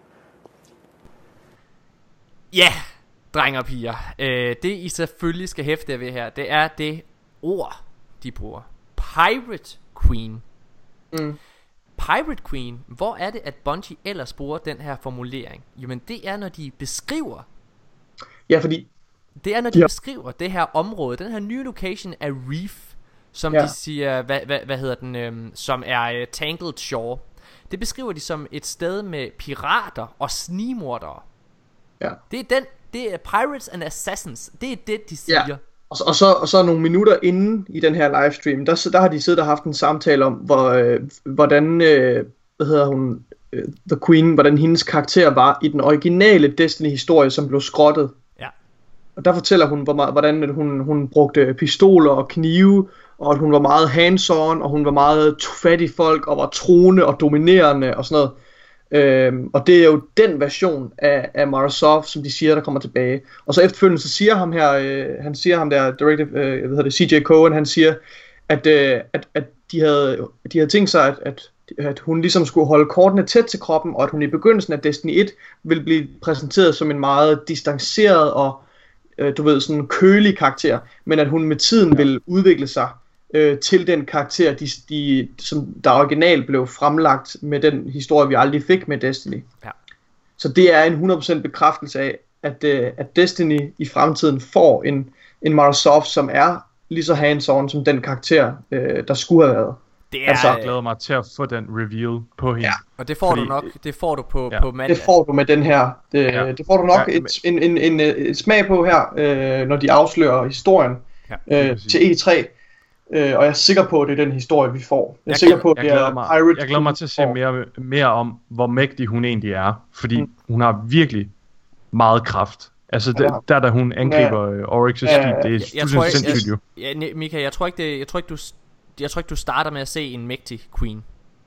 Jeg tror, du Nej, ser, men jeg, jeg siger bare, at jeg glæder mig til at hen- se hendes potentiale blive udfoldet. Mm, okay. Altså at se, hvor meget der egentlig er i hendes karakter, og hvad hun er i stand til at gøre. Jeg ser, altså der hvor jeg synes det er interessant, det er jo at det går i tråd med, hvad hedder det, med, med det tema der har været hen over Destiny 2 so far, og det er karakterudvikling. Og det ja. jeg er spændt på, det er jo det her med hvordan hun reagerer efter at hun taber med vilje Ja. til Oryx. Øhm, det, det, det ser jeg meget frem til. Igen, det er det her, det, det, det her det er en af, en af grundene til, at Awoken Queen med 100% sikkerhed er med. Og ja. øhm, det, det bringer os lidt over til modstanderen i den her DLC. Fordi, igen, de har slet ikke været inde på historien endnu. Og der er meget, der tyder på, at det er en hive entity, der er skurken. Øh, en af tingene er selvfølgelig, som vi sagde her tidligere, det er, at Eris Morn hører med til Queen på en eller anden måde. De to er en alliance, og vi har lige set den her, øh, hvad hedder det, øh, eller hørt den her livestream her, hvor det er, at de to skuespillere også er samlet. Et andet lille interessant øh, note, som vi slet ikke har sagt, det er, som sagt, så er den her livestream, den er for to år siden, slutningen af Rise of Iron, det er det her tidspunkt, hvor det er, at det her, øh, øh, High Moon Studios, og øh, de her to, øh, hvad hedder det, øh, Steve-gutter der, det er der, de går i gang med at udvikle det her spil. Så det er Ja. fuldstændig forlængelse af det, vi Mm. ser i, og hører her i den her øh, livestream. Eris Morn hænger altså sammen med Awoken Queen. Og det der jo så er, det er, at Eris Morn er forbundet, tæt forbundet med Hive. Hun Ja. hader Hive. Hun er blevet... Hun er Hive Bane. Hun er, hun er den ultimative Hive modstander. Ja. Hun er den der, hun er ekstremt passioneret øh, inden for at, at ødelægge Hive. Og hun så vil er- hævne sig. Og så er det, der er interessant, det er jo også, at, øh, at Hive er nu for evigt forbundet med Awoken. Fordi at Oryx dræber hele Awoken-folket. Og øh, vi ved... Han dræber i hvert fald deres, deres, deres armé, deres flåde. Ja. Øhm, ved Saturn. Og, og, ja, så og det er huske, jo nærmest hele deres folk. De er jo et krigsfolk. Ja. De, og, ja, Ja, øh, og, og, og vi skal huske, at øh, Ares Morn og Marsov har indgået den her pagt. De har indgået den her plan om at, at slå Oryx ihjel. Ja. Der er et Grimoire card, der leder op til Taken King, hvor Ares Morn og Osiris går op til Queen og siger til hende, prøv lige at høre, der kommer en slem fyr lige om lidt, der hedder øh, Oryx, og vi bliver nødt til at slå ham ihjel. Og der svarer dronningen så, okay, so let us end him, siger hun. Ja. Ja. Øhm, men, men det er jo ikke nok bare at vælte kongen af tronen, fordi kongen har jo også sine efterfølgere, og han har sine søskende, øh, som vi finder ud af. Og der er landet så mange hints til Savathun i Destiny 2, så jeg er lige ved at brække mig.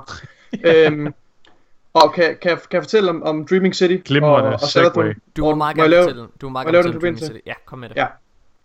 Øh, fordi jeg sad jo i den her Vidoc og kiggede efter, hvornår får vi... Fordi de kan ikke fortælle en Marasov-historie og en Awoken-historie uden Ares, og de kan ikke fortælle den selv samme historie uden Savathun, fordi Savathun er den naturlige efterfølger af Oryx. Ja. Det er, på den måde vil den her DLC være en direkte efterfølger til Taken King.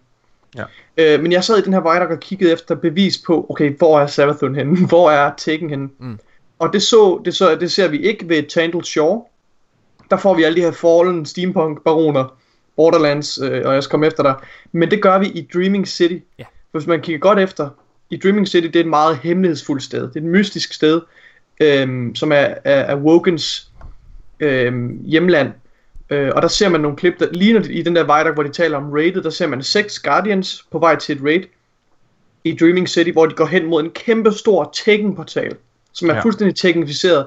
Og der er en masse, der er en masse scener øh, derinde fra Dreaming City, hvor du ser sådan en kæmpe stor Tekken Blight Orb, der ja. ligesom med andre Blights omkring sig. Sådan, altså det er meget, jeg tænker på det som om, at, at Dreaming City, det er fordi de, de taler, de hinder lidt til, at der er sådan en, en, en, En en hemmelighed. overskyggende hemmelighed, der gemmer sig i, i Dreaming City. En, en, en farlig hemmelighed, der gemmer sig her. Og jeg tror, at den hemmelighed er, at Tekken har ligesom... Altså, der er en, en ny Tekken-leder, a.k.a. Savathun, som har taget kontrollen over Tekken, mm-hmm. og som har invaderet The Awokens hjemland, The Dreaming City. Og der er Og i også... den, og i den forbindelse, der vil jeg lige advare om, fordi det er, det er en meget særlig, et meget særligt individ ved navn Toland the Shattered, som advarer os om, at, øh, at, at der vil komme en efterfølger til Oryx. Han siger i et Grimoire card, efter vi har slået Oryx ihjel, der un- unlocker man det Grimoire card, hvor han siger, I er nogle, tumle, I er nogle tumper, I er nogle idioter. Fatter I slet ikke, hvad det er, I har gjort? I har, I har fjernet ko- kongen fra tronen, uden at erstatte ham.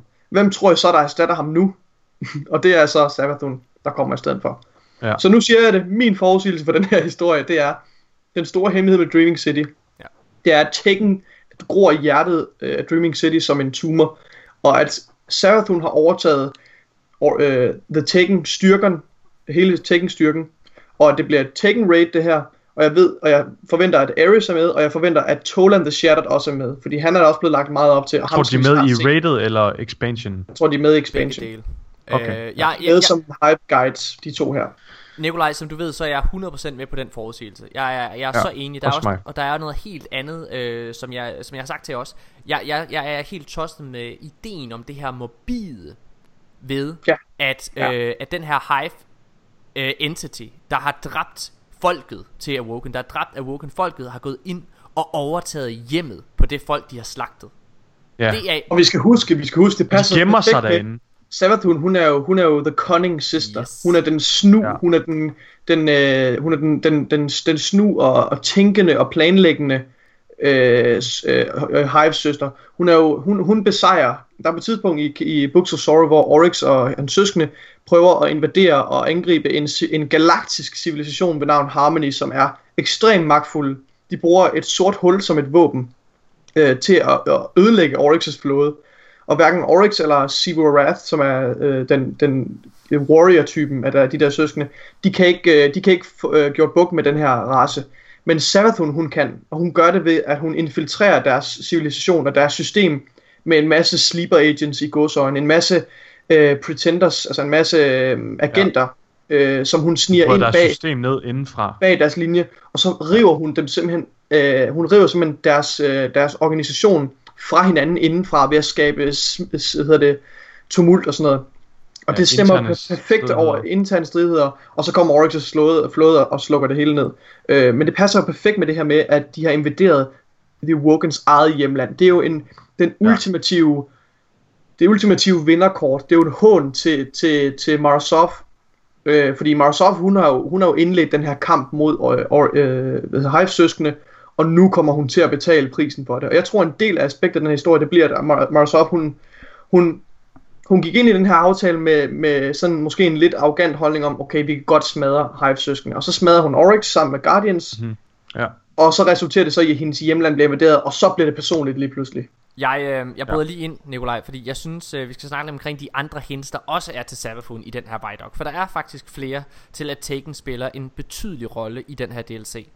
Øhm, for det første, så er, som nu har du været inde på, at Taken er ligesom, øh, hvad kan man sige, der er i hvert fald de her Taken, øh, Taken bobler, øh, Taken portaler og så videre, som Blights. er, Blight, Blights lige præcis, som er, som er overalt på øh, Dreaming City.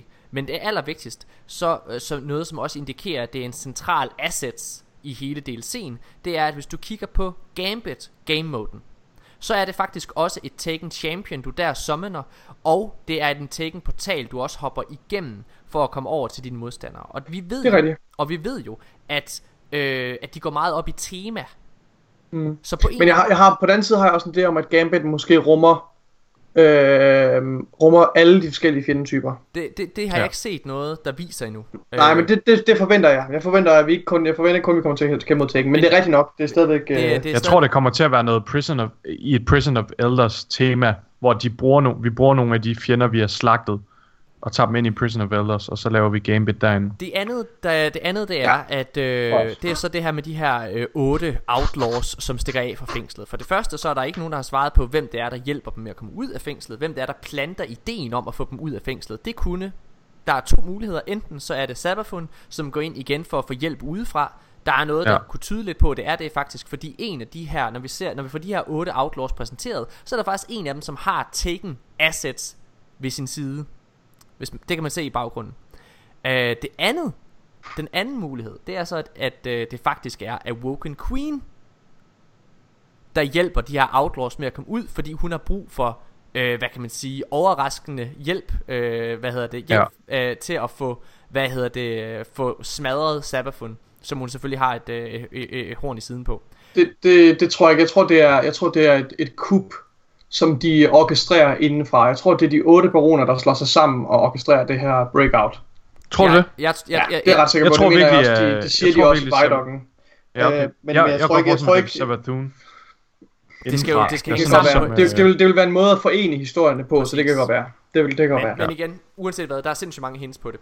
Mm. Ja. Jeg synes, vi skal gå videre til den næste. Må, må jeg lige komme med et hint også? Kom med det. Øh, en ting, jeg er helt vild med, det er at analysere logoer og øh, sådan øh, forsider og sådan noget på forskellige DLC'er og generelt spil og sådan noget. Mm. Mm. Og det forsiden, der ligesom er på Forsaken, det ja. er, og det bliver en, det er en mega god segue også det her, Ja. men det er, at du, du har ligesom The Reef i baggrunden, det der er flotte øh, lilla, øh, jeg kan ikke udtale lilla, men det flotte baggrund der, og så har du Ace of Spades, og den gløder i sådan noget, øh, sådan noget Taken røg, ligesom energi. der kommer fra Taken og Darkness. Og Wormgods, Og det, ja. det, det, en ting Bungie de vil med, det er at gemme hemmeligheder i plain sight, Ja. og, og, give hints til historien i plain sight, hvad der kommer til at ske.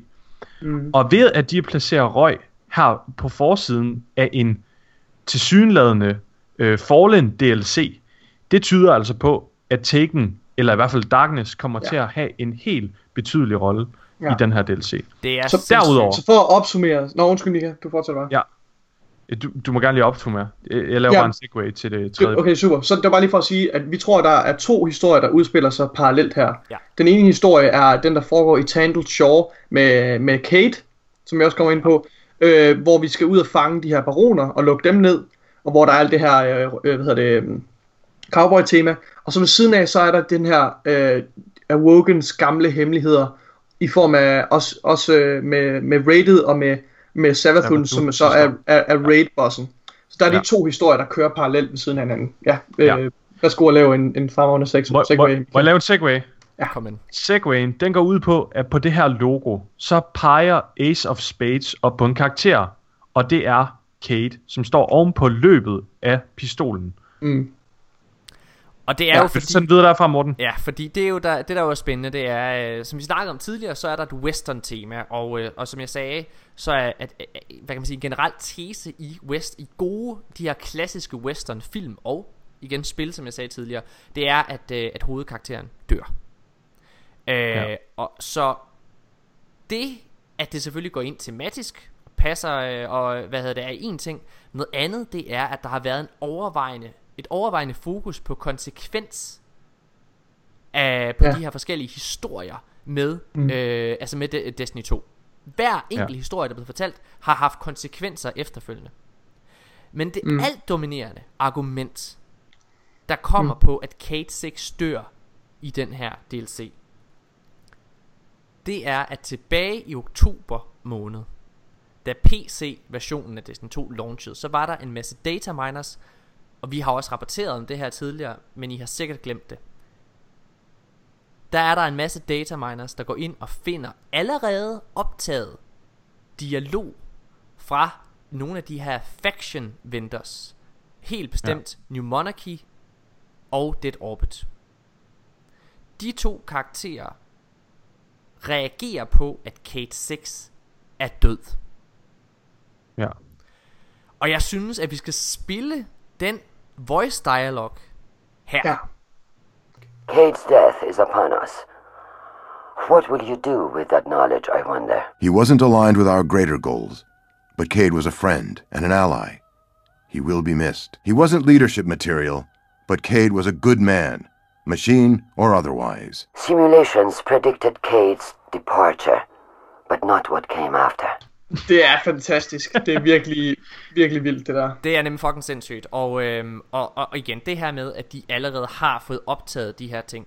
Igen, Mm. læg mærke til, at øh, Awoken Queen skuespilleren og Eris Morgan er også inde og udtale sig omkring dialog og ting, de allerede har optaget to år Ja. forinden. Ja. Hvad hedder det? Øhm, så altså, Ja, fordi det, de her skuespillere har jo en vildt stram øh, tidsplan jo, ikke også? Altså, de, det er jo svært at få fat i, så de hiver dem jo ind, når, når de kan, og ofte så er det jo flere år, altså år før en udgivelse, øh, Ja. før deres dialog ser verden, ikke også? Ja. Øhm, det, er, det er helt vildt interessant. det der- Øh, og alt tyder jo på, at det her, det er Kates, det er Kates historie, det her. Ja. Han er på forsiden, for Christ's sake. Og, Og Kate, Kate, han er, jo, han er jo en tragisk held.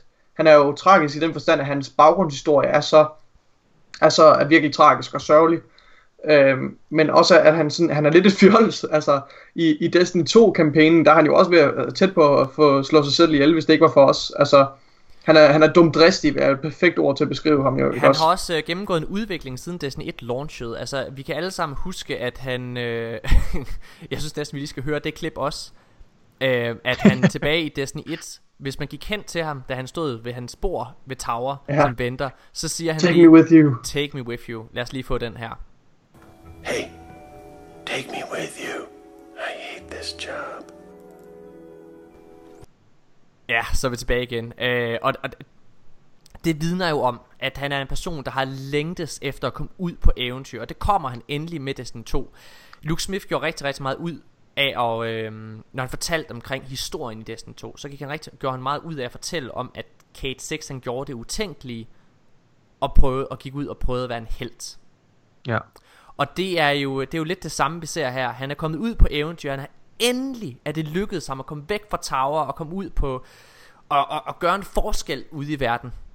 Mm. Øh, og det bliver desværre også det han han falder på. Øh, Ja. Det er øh, øh, men det der er afgørende vil jeg næsten sige. Og grunden til at det her det er en genistreg, det er at hvis Kate dør, Kate er nok den mest elskede helt af, af alle i Destiny. Og det, Ja, der er, det, uden der, det, der er interessant ved det her, det er jo, at det kommer til at efterlade et kæmpe mærke i os som spillere. Vi kommer til at huske det, Ja. Kates ja. DLC, for evigt. Ligesom vi huskede The Taken King i sin tid. Øh, fordi Ja. ja. den også havde så store konsekvenser på spilverdenen.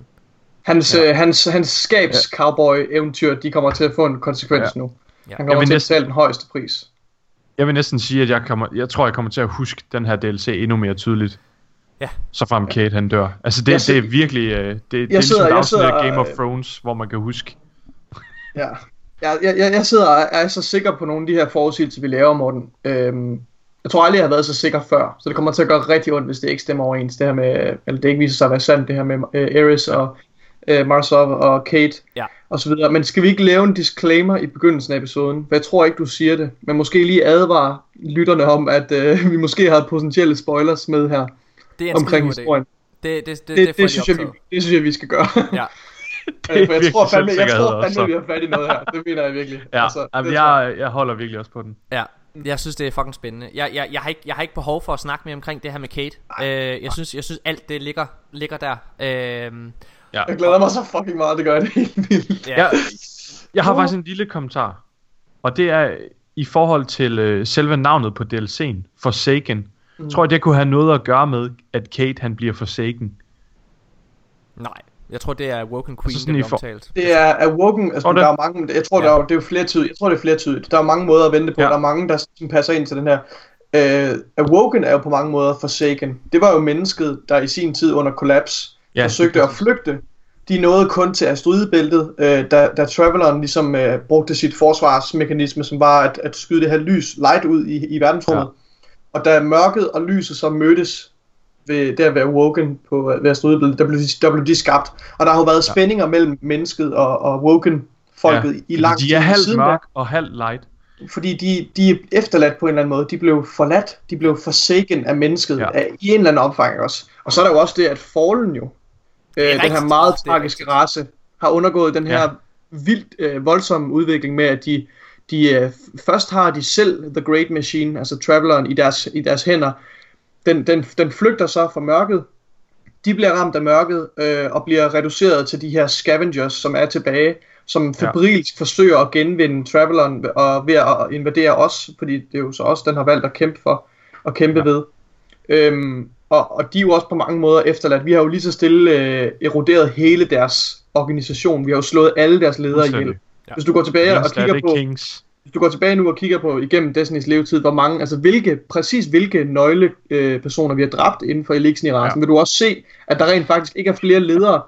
Prime Servitors er dem, der producerer Ether. Ja. Øh, øh, Kills er dem, der ligesom er ledere, øh, øh, og alle de her, hvad hvad hedder det, de andre, øh, hvad hedder det?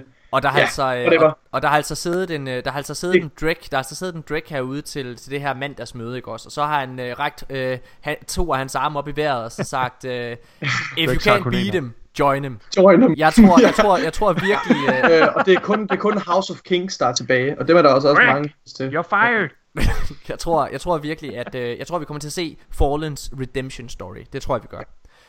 Ja. I et Det er mange historier at jonglere i sådan en DLC, men i, i, i et lille omfang får vi nok. Vi holder en, øh, en pause nu.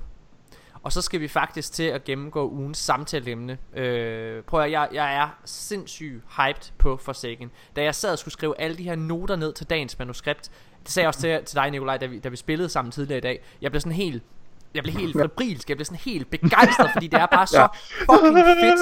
Øh, Ja. Men men der er et punkt, som er, som er lidt mere negativt, øhm, og det skal, vi, øh, det skal vi snakke om nu, og det er Ja. Annual Pass. Vi er Mhm. tilbage lige efter det her. Just go and choose a class, then join my fire team. I said I'm on my app. She said, shut up and raid with me. This girl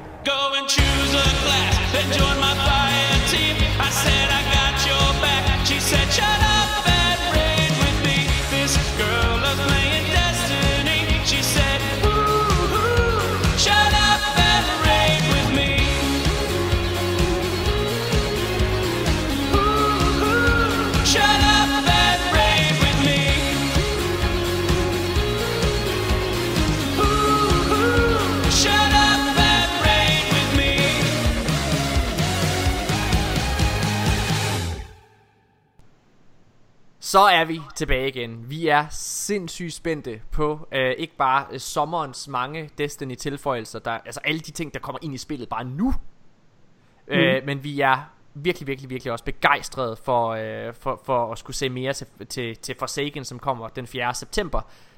Sæt kryds i kalenderen, få øh, booket fri en uge eller to, og, øh, og, og underkaste jer Destiny-livet.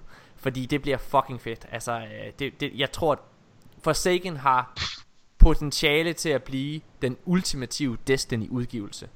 Ja, Ja. det tror jeg det, virkelig det, det, også. det gør det. Det Ja. tror jeg. Øhm, Disclaimer. Men, men der er, øh, det er ikke lutter glade dage, fordi jeg, vi sad og så den her livestream, og jeg var øh, begejstret hele vejen igennem. Men der er et øjeblik, hvor min begejstring, den fader fuldstændig. Mm. Faktisk så kommer jeg i et decideret dårligt humør. Jeg, øh, jeg har brug for fra starten af ligesom at sætte reglerne op for det jeg siger nu. Jeg kommer til at elske at sidde og spille Destiny 2 Forsaken. Jeg kommer, til at, jeg kommer til at elske det her, og jeg er med hele vejen. Grunden til, at jeg er negativt, det er ikke i forhold til, hvordan jeg selv kommer til at have det. Det er baseret på historik, og at jeg ikke Ja. overgår at gå igennem et negativt år igen. Annual Pass. Det er, øh, det er, et, øh, det er deres nye form for Season Pass. Ja. Og øh, det kommer til at øh, erstatte de, hvad kan man sige, den, den form for Season Pass, vi har set i Destiny 2's første år.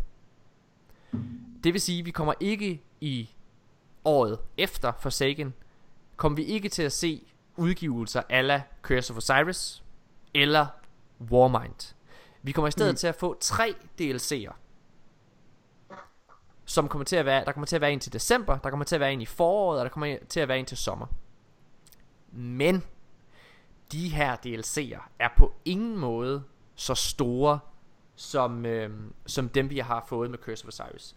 Der er ikke. Nej. nogen nye destinationer. Der er ikke nogen ny story campaign. Det er der er ikke nogen nye strikes, der er ikke nye crucible baner. Nej. Det er gear der kommer ind, det er våben der kommer ind, det er power levelet der bliver forøget. Ja. Øh, der kommer og stadig quality of life og så videre. Quality of life. Og der kommer, stadig, der kommer stadigvæk raid layers, er der i hvert fald rigtig, rigtig meget, der tyder på. Ja. Øhm, men, Det er sådan øh, lidt en, en amped up April update, tror jeg, man skal sådan sætte sine forventninger efter. Ja, det, øh, det, det, det tror jeg er en... Øh, det tror jeg er rigtigt. Jeg, jeg, har næsten, jeg har lige lyst til at gennemgå, øh, hvad hedder det, billedet herfra. Fordi, nu finder den lige her. Okay. Forsaken kommer til at indeholde, det her det er det, de viser til, øh, altså Forsakens Annual Pass kommer til at indeholde Endgame Challenges, New Pinnacle Activities, New Weapons Armor and Vanity Rewards to collect, New Triumph Records to collect, New and Returning Exotics, New Law to discover. Det er de fire ting. Ja. Øhm, og vi har, vi, vi har diskuteret ret meget omkring det her. Ja. Øh, I, var, I var ikke helt så, så negative, som jeg var til at starte med. Vi prøver, vi prøver øh, Ja. ja.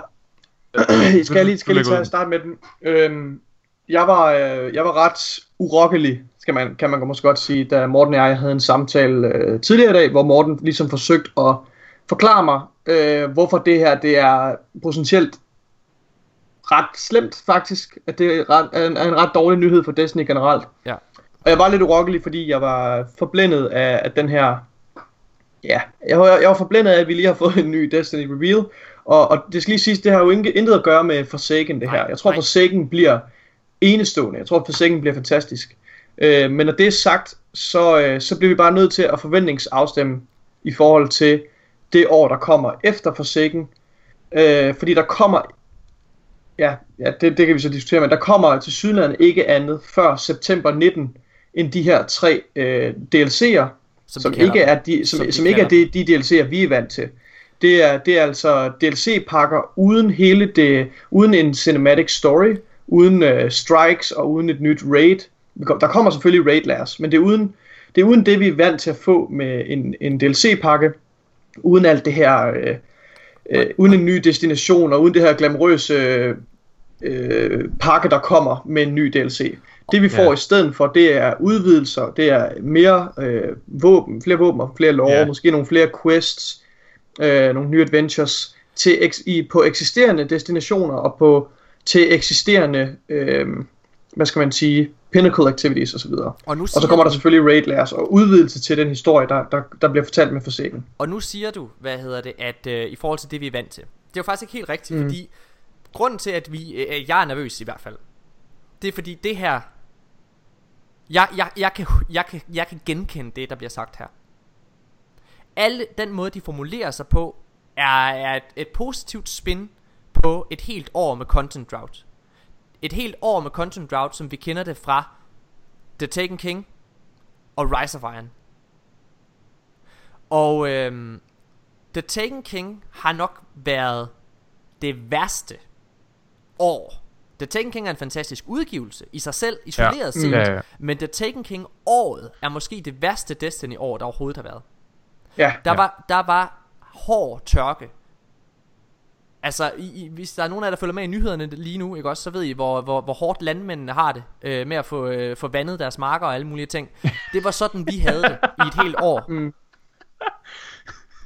Jeg, Og de øh, mistede 6 milliarder på det. jeg, jeg vil rigtig Sådan gerne... Øh, og, og, så sidder der nogen af jer derude nu og tænker, hvor, hvorfor er, hvad er det, I baserer det på? Hvad er det, du baserer det på, Morten? Hvorfor er det... Og, og for, du plejer altid at være så positiv. Hvorfor er det, at... Øh, hvorfor er det, at du tror, der ikke kommer nye story missions? Hvad er det, du hører? Hvor er det, du hører, der ikke kommer nye Crucible-baner? Jamen, det vil jeg rigtig gerne, øh, det vil jeg rigtig gerne understrege. Det her, det de gør her. For det første, så siger de fra starten, at de gerne vil sætte forventningerne. Og hele Ja. den der livestream, der er i går, vil jeg gerne er understrege. meget forsigtig med hans formuleringer. Det Deej er er- virkelig PR, det er marketings PR, øh, han skruer helt op for der. Og, Der og, viser han aller, lige sine talenter. og aller, aller, aller, han, han ser pisse nervøs ud. Altså sådan andet. Ja, han er, han er ved at skide i bukserne. Han er ved, det her det ikke Ja. er en positiv ting. Men aller, Ja. aller vigtigst, så er det her, det er livestreamen i går, er altså et PR-stunt. Det er med til at sælge den her næste expansion. Og, øh, og når det er, at de har skulle sælge tidligere expansions, så har de aldrig holdt igen med at fortælle de ting, som vi spillere gerne vil have. Lad mig komme med et eksempel. Her øh, i det sidste halve år, der er der kommet sådan et, øh, et, et roadmap ud, der beskriver, hvad de forskellige ting indeholder. Og der står der, at en expansion i Destiny-land, det indeholder en uh, new campaign and strikes, new destination, new destination rewards, new raid lair, new crucible maps, new legendary and exotic gear. I kan godt se, de holder ikke tilbage med at love meget. Og alt det har mm. vi Mm. også fået med, med, med hvad hedder det, med, øh, med Curse of Osiris, øh, ja, både med Curse of Osiris og, hvad hedder det, Warmind. Ja, Men- ja det er vigtigt lige at understrege. Ja. Det du lige læste op der, det er jo Ja. det, det, det, det, det, det, er det vi får med en, en DLC Ja. Ja, det er det, øh, af, dem, af dem, vi fik med Curse of Osiris. Det der, det er noget, de lagde ud for ligesom at fortælle, det her, det får I med Curse of Osiris og Warmind. Ja. Øh, det her det er så, nu, nu læser jeg op igen. Det her det er så Annual Pass, hvad det indeholder. Der skriver de Endgame Challenges. Endgame Challenges, det er sådan noget som Prestige Raid. Øh, nej, det, det er øh, Prestige Raid. Ja, ja, undskyld, det er rigtigt. Jeg Ja, og så, det- så, det, vil, det vil være nye tiers til eksisterende øh, ak- aktiviteter, ja. Ja, præcis. Så, er, så New Pinnacle Activities, det er Raid Lair for eksempel. Som er fedt, Ja. det kommer. Ja. Det er lækkert. Det, det, har, det, de har før kaldt Raid Lair for Pinnacle Activity. Ja. Så. Ja, ja, ja. Og det er så- også trials og Og sådan noget. så New Weapons, Armor and Vanity Rewards to collect. New Triumph Records to collect, altså en ny record book. Ja. New, new Law to Discover. New Law to Discover, det er bare øh, tekst internt. Altså, altså i den der Ja. bog, du kan sidde og læse på din... Øh, på Eller smide nogle ghosts ind, eller læse det, der er Præcis. på dine våben. Og så new, retur- new and returning exotics. Så på intet tidspunkt, så tør de love, for eksempel, at der kommer nye Crucible-baner. De tør ikke at love, at der kommer nye strikes. Eller noget. Det vil sige, og igen, det her det er altså ment til at sælge noget. Det, der gør mig bange Ja. ved det her, det, der gør mig skide bange, det er, at, øh, fordi prisen er også kommet ud. Jeg kan fortælle jer, at Forsaken i sig selv kommer til at koste 319 kroner. Er en fin pris. Dejlig pris. Det er et stort spil. Det er Ja. lækkert. Det er det samme som Ja. Taken King også kostede. Øh, annual pass kommer til at koste 200 kroner. Det vil sige, 200 kroner er det samme næsten, som du gav for, øh, hvad hedder det, Warmind og Curse of Osiris. Mhm. Det er stort set det samme. Ja. Og igen, jeg synes det her det er en fin pris. Jeg vil gerne betale det her. Grunden til, Ja, at lige understrege, vi, er, vi, vi har personligt intet imod det her. Nej. Altså hvad pris eller... Ja. Øh, Bungie, de kan få lov at tømme vores bankkonto, hvis det skulle være på Som, som jeg har sagt flere gange, jeg, øh, jeg betalte gerne for Destiny som, en, som en, øh, et abonnement, månedligt Ja. abonnement. Ja, det gjorde jeg helt gerne. Øh, fordi jeg bruger så mange timer på det, og fordi det er, det er, det, det er den spiloplevelse simpelthen værd. Ja. Altså, Og så vil man få mere content også. Men Så. vi ved, vi ved, hvor meget den, er, at den er generelle spiller, lad os kalde det det. Og det er derfor, jeg er bange lige nu. Fordi nu, har, jeg, jeg, nu siger jeg noget. De to værste år i Destinys levetid, det har været The Taken King og Destiny 2. Fordi Destiny 2 har der været så meget negativitet i communityet, som har for ødelagt... det, er, det er vidt forskellige årsager selvfølgelig. Ja, ja, Men- selvfølgelig, ja. selvfølgelig. Det er vidt forskellige oplevelser. Men det jeg hører her, det er, at der kommer en hybrid mellem de to år. Jeg tror, øh, fordi det der, det der hører med til den her historie, det er, at de, de tager 200 kroner for noget, som vi førhen har fået gratis. Ja, men skal altså, måske og lige så nævne- alligevel, så alligevel, så er det lidt mere hyppigt. Altså, nu tænk, tænker du ikke på Age of Triumph updaten for eksempel? Nej, men, ja, men, det, det er jo nej, fordi, nej, fordi de, de activities kommer stadigvæk. Der kommer stadig til at være events ja. Ja. og alle de ting, som vi er vant til at få Ja, ja, ja. gratis, de kommer stadigvæk. Det har Men intet med Age of Triumph at var gøre. jo en, en stor update, som kom. Mm, ja, men så, var, så stor var den heller ikke. Den bragte eksisterende content op og relevant at spille. Ja. Øh, hvad hedder det? Men det jeg vil understrege, det er bare, at det som... For du har ret i, at den, den kom med noget content, og den kom med noget nyt gear, nogle Ja. nye ornaments, du kunne jagte. Men grunden til, at vi har været vant til det her, det er, lad os tage Rise of Iron som, øh, hvad hedder det, som, som et eksempel. Mhm. Rise of Iron kommer med to content updates, som er gratis til os i det her Ja. Ja. år. Den kommer med The Dawning i 2016, som har været det bedste The Dawning event overhovedet. Øh, der kommer der helt, øh, hvad hedder det, ny, der kommer tre nye armor sets til hver klasse. Der kommer strike scoring, og den Ja. ja. gør tre gamle strikes relevante og giver den helt ny Ja. voice dialog endda. Øh, fantastisk voice dialog skal lige sige sådan der. Og så er der selvfølgelig SAL, som er en helt ny øh, game mode. Men det er altså noget, vi får uden at skal betale en krone. April Ja. update i uh, The Taken King på samme måde. Hvad hedder det? Der får vi et uh, strike og en historiemission og Prison of Ja. Elders øh, opdateret, ikke også? Gratis og helt ny gear og chase. Det er Ja. der Eververse bliver introduceret for første gang. Øhm, og det, Kom med den, Mika. Bare lige for sådan at være klar. Altså, det, vi er ikke nervøse for, at vi skal betale penge. Det er ikke den, det, vi har mod mod. Det du har, eller det du har noget imod, det er, det er ligesom den, den backlash, der kan komme, ikke? Ja. Bare lige for at forstå rigtigt. Ja, ja og det, det, det tror jeg er en generel ting. Altså, jeg Ja. vil lige personligt sige, personligt så er jeg ikke øh, negativ i forhold til, på, på min egen personlige vejen er jeg ikke negativ i forhold til Nej. det her season pass, fordi jeg tror, det Nej. er en, en, en fantastisk investering, at Bungie bruger tid og penge på de ting, som vi rent faktisk bruger tid på at spille. Helt enig. Jeg ved godt, det, og det kommer fra en som mig, som elsker historie. Det kan godt være, at jeg kommer til at æde min, mine ord, jeg sidder og siger lige nu, når, når jeg ikke har fået en, en ny historie i et, i et halvt år. Men der kommer jo lore-opdateringer løbende. Men, men vi, vi får Ja. ikke den her store DLC-historie. Nej. Men det vi får til gengæld, det er, vi får mere content af det content, vi rent faktisk bruger vores tid på. Det er de her pinnacle activities, det er de her nye armor sets og nye våben osv. Alt det skal nok komme. Så, og jeg tror, jeg taler på vores alle sammen vegne, når jeg siger, at vi er alle tre positive på vores egen vejen, at vi er positive i forhold til Ja. det, fordi vi tror, det bliver, det bliver rigtig godt. Men vi bliver nødt til at Det Men vi er bekymrede. Men, men, men, men, men men når man nødt- ser på når man ser på den, øh, det helt store billede, altså hvad betyder det i forhold til Destiny 2 øh, og communityet? Ja.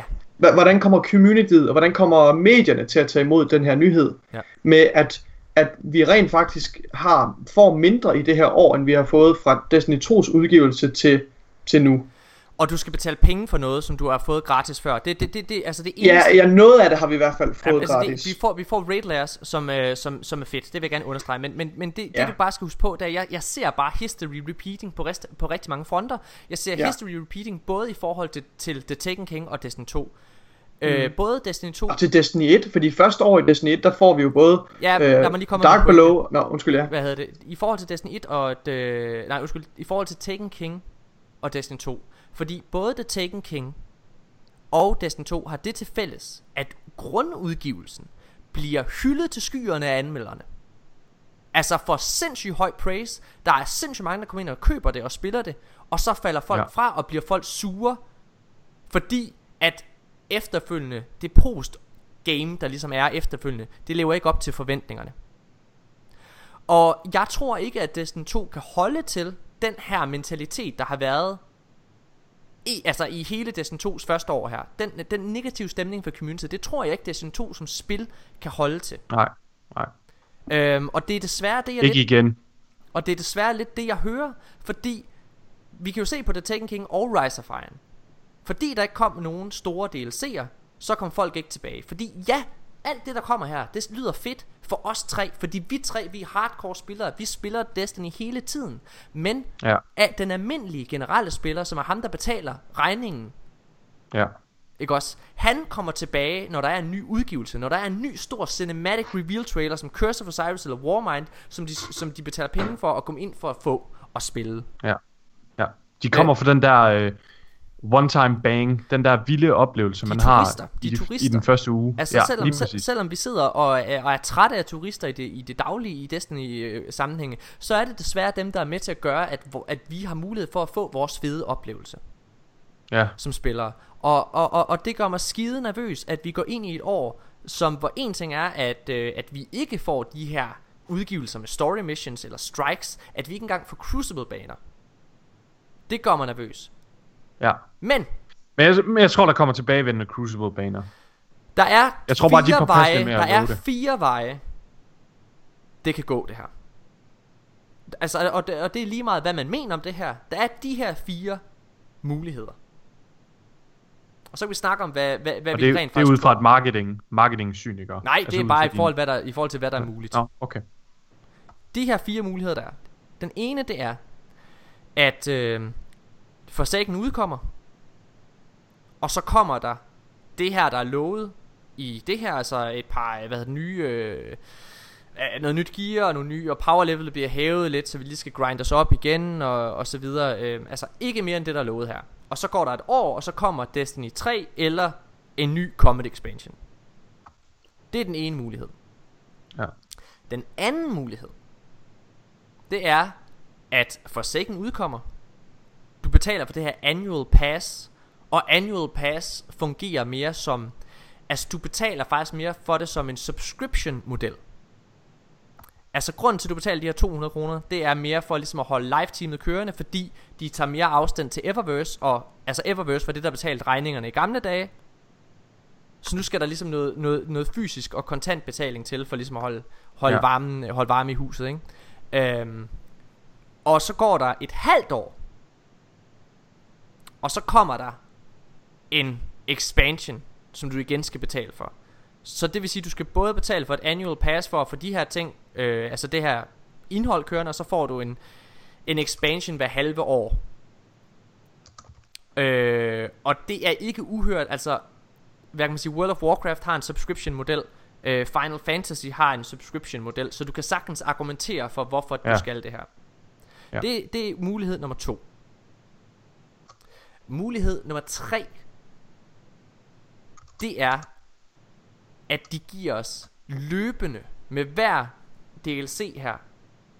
Så ud over det, så til alle Destiny-spillere af Destiny 2, der ejer base game, der giver de en gratis update, hvor du får Destiny 1's locations ind igen.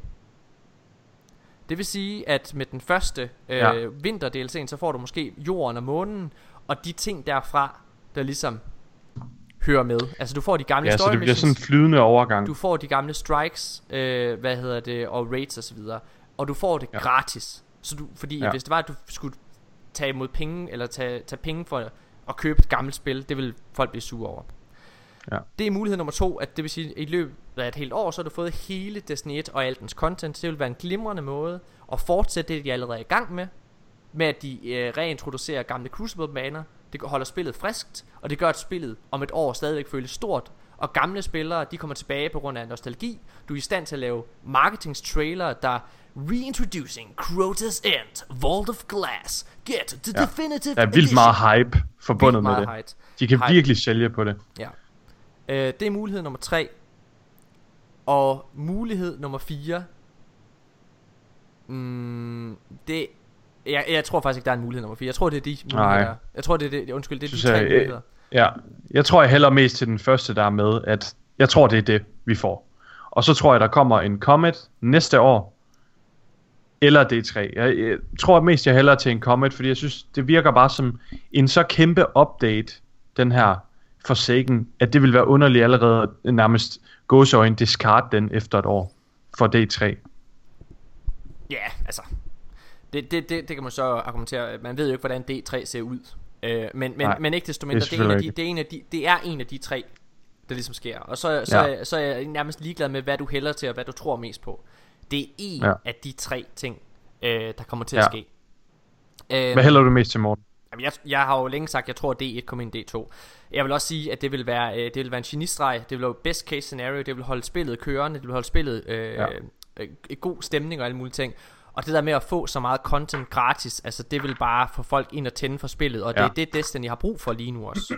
Helt sikkert. Ja, det vil virkelig være en måde at tænde gamle spillere på os. Men, øh, virkelig, virkelig meget. Men i hvert fald, altså, øh, udsigten til et år med, med mere eller mindre med content drought. Altså, jeg, jeg, det, det, Ja. det, det gør mig virkelig nervøs. Content, content drought i den forstand, at vi ikke får en ny historie med en ny location osv. Ja.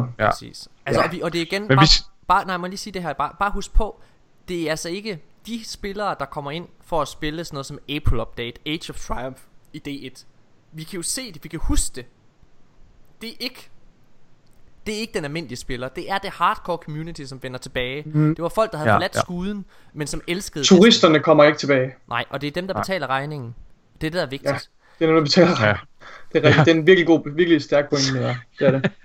Så, øh, så, jeg, så jeg, jeg, jeg blev desværre lidt slukket ved det her, og det, og det gør mig lidt Ja. ja. ked af det, at, øh, Det at de, de går lidt tilbage på, på det løfte, som Eric Hirschberg han desværre kom med sidste år flere gange, og det var, at Ja. ja. øh, der vil komme en lindstrøm af content hele tiden. Ja. Øhm, ja. Jeg tror desværre ikke, det, det var helt muligt, så jeg tror, det her, jeg tror, det her det er deres løsning. At komme med det her annual pass. Men, Det store øh, spørgsmål, det det, er- det er jo selvfølgelig at gå lidt tilbage på løftet. Det. Jeg synes, det store spørgsmål, det er, får vi Destiny 3 i 19, eller får vi Comet 2 i 19? Ja. Ja. Jeg tror, øh, jeg, jeg tror, jeg hælder, jeg hælder personen til en stor comet, og det er, er en Ja, ja, det simpel. gør, det er på grund af, det er på grund af Saturn, at den næste, den næste location i cutscene, ja, så går det nemlig perfekt op. Så går, hedder den Reef, som vi kommer til nu, Saturn og så pyramideskib. Det vil sige, vi om et år, øh, september 19, får vi Saturn DLC, om ja. øh, september 20 får vi øh, Destiny 3. Ja. Men Morten, du sagde, det der, du sagde det der med Åh, udgivelsen af Fuck, det giver ingen PlayStation 5, mening. eller Det, det, det, kan ikke, det, 5. kan, det kan ikke hænge sammen så. Ah, det, det, Så- oh, og- jeg, er, jeg er simpelthen ikke overbevist. Ja, det ved jeg ikke. Altså, øh, prøv at høre, Forklar mig lige, hvorfor, hvor, forklar mig lige, hvorfor det er helt udelukket. Okay, ja, hvorfor, ved- hvorfor kan Destiny 3 ikke udkomme samme år som Play- PlayStation 5? Mine damer og herrer, det? mine damer og herrer, det der, det, det, grunden til, at vi sidder her øh, og, og, og siger de her ting, det er fordi, at i 2020, vi ved, der kommer som et minimum en stor Destiny-udgivelse hvert år til september. Altså det må man sige, det er standarden nu. Det og, er og, og, ja. hvad hedder Ja. det? øhm, Og det der er problemet, det er, at i 2020, november måned, ikke september, men november, der udkommer PlayStation 5 og den næste Xbox for den sags skyld. Og øhm, det vil sige, så vil det her spil, det vil udkomme på en gammel konsol, øh, hvilket den så også skal være udviklet til. Jeg ved ikke, man kan huske, hvor meget PlayStation 3 og Xbox 360 holdt os tilbage i sin tid. Det vil sige, så Ja. skal du ud og købe var et spillet. helvede. Så skal du ud og købe spillet to gange. Det er forfærdeligt. Uh, altså det, det, og det vil aldrig, så er det nogle af dem, hvor så kan bare udkomme med, som launch-titel. Det kommer det heller ikke til. Og det er den simple årsag, at, at, at det, det gør man ikke med sådan nogle store, uafhængige spil. Det gør man ikke. Altså, de deler ikke opmærksomheden. Nej. Øhm. Det var vildt, hvis Sony bare tog os med bukserne ned og annoncerede PS5 i år. Ja, men det gør de ikke. Det gør de ikke. Det gør det ikke, Hvad men det kunne være det? for sindssygt. Altså, øh, hvis det de tror skal- jeg vil komme bag på alle. Hvis- Hvis de, skal, hvis de skal gøre noget, så skal det komme næste år. Ja. Øhm, så skal det komme næste år, PlayStation 5. Men, men det, det vil også passe ind i Destiny's model så. Ja, men problemet ligger i, at altså, alle rygter, det er mere eller mindre bekræftet fra tre Ja. forskellige kilder nu, at PlayStation 5 udkommer i september 2000, Så- eller i november 2020. Så Morten, ja. vi kan ikke gå ind og opdatere vores, øh, vores elskede roadmap med, med hvad hedder det, Comet 2, øh, Destination Saturn til september 19 og Destiny 3 til september 20. Det kan vi ikke, eller hvad? Ej, så går det perfekt. Det går perfekt op med den fucking cutscene. Jeg er Jeg- ligeglad med, hvad du siger. Det, ja, jeg, jeg, det gør jeg skal det. simpelthen... Det, pa- det passer perfekt. Jeg Det tror, passer at, jeg tror, at, jeg tror, at Destiny så 3, perfekt. jeg tror, at Destiny 3 udkommer næste år. Jeg, jeg tror, jeg bliver nødt til at det- snakke med vores grafisk designer, uden du er med. Fordi jeg er simpelthen ikke, jeg, jeg er simpelthen ikke overbevist om, hvad, hvad er din, ja, det ved jeg ikke. Hvad er din, hvad er din, jeg, kan- jeg kan følge det, du siger med, med hvis Playstation kommer i 2020. Det har været er det deres, øh, bekræftet? Det er, ja, det, altså, officielt er det ikke bekræftet, men altså, man, udover at det er bekræftet af tre forskellige kilder, altså, det er sagt af tre meget øh, uafhængige kilder. Øh, Kotaku Jason Schreier er den ene, som har lavet store, øh, hvad hedder det, øh, breakthroughs før. Så har Sony lige nu her for to uger siden, der var Sony ude og udtale sig, at PlayStation 4 var i sin sidste fase. Øhm, okay. så, så der, er det- to, der er to kameler, jeg skal sluge der, kan jeg mærke. Så det- det, den, der- ene, den ene, det er, at uh, Destiny, eller at, det overhovedet vides, at PlayStation 5 kommer der. Det andet er, at Destiny ikke kan udkomme øh, sammen med en PlayStation-udgivelse. Det er de Altså, to de er kameler, jo jeg skal ejet af sluge, kan jeg mærke. Nej, Så, nej, de er ikke ejet af Sony. Eller ikke, Hvordan, øhm, undskyld, hvordan- ikke hvordan- ejet, men, hvordan er- men støttet. Morten, så for svar, mig på, hvor- hvordan er overgangen så fra Destiny til PlayStation 5? Hvornår og hvordan kommer Destiny over på PlayStation 5? Det kommer til at være på den måde, at øh, om to år, det vil sige 2020, der kommer der en Comet Expansion, og så, det vil sige i 2021, der udkommer PlayStation øh, øh, Destiny 5. Så det vil sige, så har der været et år, øh, hvor du... 5? Ja, PlayStation 5 udkommer i november, og så Og Destiny PlayStation. 4, Destiny 4 udkommer i, i 2021. Hvornår kom... Øh, Jeg baserer det her på, må jeg lige sige, hvad jeg baserer det her på? Jeg baserer det her på den originale udgivelsesform, som øh, Bungie og Activision havde tænkt sig. Altså originalt, så skulle der gå to år, så skulle der komme en ny main release. Det var det, der var Ja. tænkt med Destiny 2, kan I huske Nå. det? Så blev den forsinket. Ja, det er rigtigt. Så de er ligesom gået til over til det igen. Og man skal huske på, Bungie og Activision, de ved godt, hvornår PlayStation 4 udkommer. Så de sidder og Ja. udvikler til og for det her. Øhm, Ja.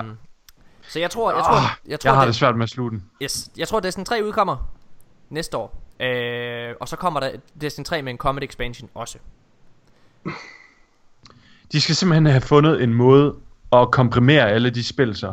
Fordi det, det, det bliver de simpelthen nødt Det er jo til. så det, jeg tror. Jeg, Ja, tror jeg, jeg har jo sagt, jeg tror, at når Destiny 3 Ja. udkommer næste år, så er det med, øhm, altså, så er det en opsamling af alt. Altså det er jo det, Ja. som, altså, jeg, må jeg sige noget, jeg, jeg vil også elske, noget af det, jeg elsker med for eksempel, at uh, Burning Shrine mappet er kommet tilbage, det er, at det er en opdateret version af det her map, som Ja. foregår Ja, ja, ja. i, altså et sted, som loremæssigt hænger sammen, et nyt sted, vi er blevet introduceret for. Ja. Jeg vil elske, at vi, øh, at ligesom Plaguelands også gjorde. Plaguelands øh, var også det her sted, som, hvor man kunne se, tiden havde passeret. Tiden var gået i Cosmodrome. Altså vi var tilbage i gamle ja. områder, gamle patrolområder. Og jeg Ja, vil ja. elske, at vi for eksempel får Dreadnought i Destiny 1. Alle de her Destiny 1 locations, som er præget af tiden. Og vi kan jo se med Rise of Iron og de her nye Crucible-baner i løbet af Destiny 2, at det er, et, det er en ting, som Bungie synes er fede at lege med. Det her med, at time has passed. Ja. Look at your Og det er også nemme assets at arbejde med. det er jo nemlig det. Og det er også derfor, jeg siger, at jeg tror, at det her med, at Destiny 1 kunne komme som en gratis udgivelse Ja. i løbet af det her år, den er, jeg hælder til den, fordi det er en let måde. Øh, alt tyder på lige nu, at alle hold er hoppet over til Destiny 3. Det, det, den, det her annual pass, det vidner om, at ligesom, kan I huske med Rise of Iron, hvor man også godt kunne mærke, at folk havde forladt Destiny 1 Ja, ja. Okay, det, det er faktisk, det er måske det stærkeste argument, jeg, du har lagt ud i aften med, med hensyn til den forudsigelse. Det er, at alle, altså alle er på vej videre til... Alle kræfter er, Det er kun er live-teamet, der bliver. Ja. hele, hele bulk events. Bungie uh, har teamet er overgået til Destiny 3 nu, Ja. ved Ja. udgangen af udviklingen af, af Forsaken. Præcis. Ja. Så. Så det. Men den Ah, her... fuck man, det, kan, jeg, kan, det går ikke op med den der fucking cutscene. Jeg kan, jeg kan ikke Nej. holde det ud længere. Så skal, det så, skal, så, så skal Saturn være en del af de der tre små Jeg, jeg på en eller anden måde. Må jeg, må jeg lige sige noget hurtigt? Jeg forstår ikke, at du ikke føler, at det går op, fordi det, der jo så kommer til at ske, det er jo så, At, at Destiny- pyramideskibene kommer i en comet. Ja. Den skal du længere landet med, det gør den ikke. Okay. Det, er, det er simpelthen... Okay. Det er Det må- simpelthen et nyt kapitel af dimensioner. Ja, at, vores, at, for- at, er den, at den ultimative ondskab, der slukkede os i første omgang ved Collapse, vender tilbage. Det er begyndelsen på Destiny 3. Punktum. Det er der, jeg står. Altså, vi der har kommer lavet, en til vi næste har år. lavet et roadmap, der, der tager udgangspunkt i, at det vil komme i en maj DLC. Og det, der var Ja, udgangspunktet og i det, det, er, Nikolaj- det æder med mig også noget af en kamel. Men Nikolaj, Nikolaj, det som ligesom er udgangspunktet der, som var vores argument for det, det var jo, at den historie, der blev fortalt der, den skulle bruges til at, altså, at fortælle om, at vi taber slaget. Ja. Det skulle ligesom være part 1 Præcis af, af, den store. af og det. så, og så kommer part 2 med D3. Mine damer og herrer, det var episode 88 af de danske Guardians. Jeg håber, at I har nydt det. Altså, vi er sindssygt hyped på, hvad hedder det, på Forsaken. Vi er mega hyped på sommeren her i Destinyland. Vi er skeptiske og, øh, og lidt, lidt forsigtige ja. med at sige, at vi glæder os til hele næste år. Men i hvert fald, så tror jeg, at den udgivelse, der hedder Forsaken, bliver den bedste udgivelse, der nogensinde ja. har været i Destiny-sammenhæng. Og Vi med de ord, prøver at temper vores expectations. og med de ord, så synes jeg, at vi siger farvel. I næste uge, så er det ikke med Nikolaj og Mika, fordi Mika, du er i Ægypten. Ja, jeg skal ned og blive dræbt af noget terrorisme. Yes, og Nice. øh, Nikolaj, du er, øh, du er over Ja, og jeg har skal sex også, med, din, øh, øh, med din kæreste. Ja, Du jeg skal, og, skal, du skal, jeg og- skal på boldferie. Du skal ind og suicide bomb hendes uh, tissekone. jeg, skal, jeg skal til Bornholm med, med min kæreste. Yes, øhm, og det bliver dejligt. Øh, så i næste uge, så er det mig og Janus Hasseris spilanmelder, og, og det er mig og ham, der skal sidde og, øhm, og rigtig analysere. Åh, jeg gad gerne være med og der. analysere den her nye story trailer, der kommer, øh, som det er og bekræftet, den kommer her i næste uge. Øh, det glæder vi Ja. os helt vildt meget til. Så, Og så skal I også snakke om Du kommer øh, til ønske, Torben, var der der. udkommer med nogle rimelig vigtige informationer også. ja. Morten, jeg ringer til dig lige snart vi har set den trailer der. Så ringer jeg til dig. Jeg tænker lidt på, at vi må kunne, at- at vi må kunne ringe øh, over Skype til dig, så vi lige kan få en hurtig udtalelse omkring story. Det kan vi godt finde ud af. Det tror jeg, vi finder ud af. Mine damer og herrer, tusind, tusind tak, fordi I har lyttet med. Husk at skrive alle jeres kommentarer i, øh, her i. Og så skal vi lige huske det allervigtigste. Vi lige Ja. har glemt. Mine damer og Er herrer, det- vi, vi er kommet tilbage med et mega, mega fedt segment. Og det kommer... Du er med. ja, ja. godt se. Du er ved at glemme det. Jeg var lige ved at glemme det. Mine damer og herrer, vi er tilbage med ugens bedst klædte Guardian. Efter uh, popular, by popular demands, så er vi tilbage. Og denne uges vinder er Daniel TP. Som også bare på Playstation hedder Daniel TP. Det er en fucking flot Titan. Jeg har sendt billedet til ham. Han ser fucking nice ud. Så nu kan vi endelig også få et billede op på vores Instagram igen. det tror jeg, jeg har lagt billeder op i to måneder eller tre måneder. Mine damer og herrer, øh, jeg vil anbefale jer alle... Der kommer nok ikke, der kommer ikke en episode af Lovklubben, før øh, jeg vender tilbage fra ferie, desværre. Desværre. Så øh, den, der lander først en episode igen om 14 dage. Øh, ja, Det det, er, det er jeg forfærdeligt ked af. Det kan jeg sgu ikke lige okay. presse ind på, på ferien. Øh, men vi skal nok samle op derefter og, og give den en skal med det og få pumpet nogle episoder ud, så vi kan blive færdige. Ja, præcis. DDG holder så lille sommerferie. Ej, to af dem gør. Hvad hedder det? Øh, To af dem. Ja, Du holder aldrig ferie. Husk at skrive til, øh, husk at skrive til de danske Guardians med jeres bud på, med jeres bud på ugens bedst klædte Guardian. Og ja, skriv til de danske Guardians på Facebook. Hvis det er, man skriver til mig personligt på Facebook og sender billeder, så bliver man automatisk disket. Det er simpelthen en regel, jeg laver nu, fordi vi har fået, jeg har fået så mange beskeder med det. Jeg gider det ikke. Daniel TP, du vinder, fordi at du har fucking skrevet det til Facebook-siden. Ja, du er den eneste. Nej. så, mine damer og herrer, tusind tak fordi I har øh, lyttet. Jeg håber, at vi øh, vil ses igen næste uge, hvor Janus Hasseris og mig vi sidder klar til at analysere den her story trailer og se, om vi har ramt plet med vores forudsigelser omkring Awoken Queen, Kate 6 og alt andet. Vi ses. Hej. I used to rule the crucible all night. 3.4 KDR, always win the fight. And I was doing something right. But then some kindergartens complained. They would suck, always die, and then blame the game. They throw controllers down in rage. Bungie heard a fix was found. They nerfed some guns into the ground. But now what's going on? Nothing's fine, I'm thorn. I can barely see, cause my screen's all green. I'm cold and I am ashamed, slowly dying on the floor. How's this even fair? Pulling out my hair. I'm wide awake, I haven't slept in days cause I am thorn. You're a little late, I'm already thorn.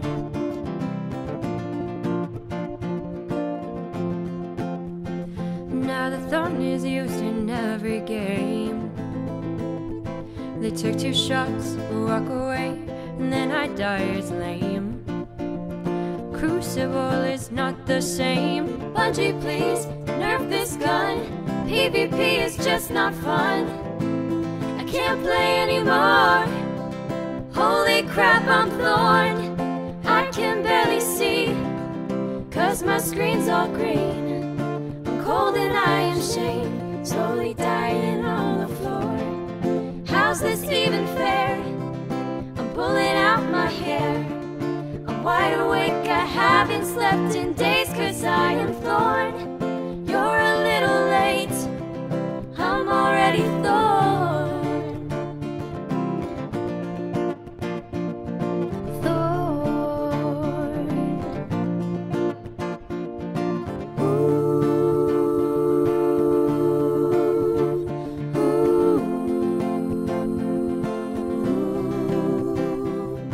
Oh my god, patch 2.0. Bungie said Thorn's got to go. Now we can use any gun. I'm no longer Thorn. There's Soros regime. Red Death's still OP. Now I'm poning noobs using any primary. Doctrine of passing, murking everything. And even though I sometimes die, at least it's not a thorn. Feels brand new. All these quests to do. I'm loading up my vault full of weapons from here too. And my favorite thing, Mother Blending Soul.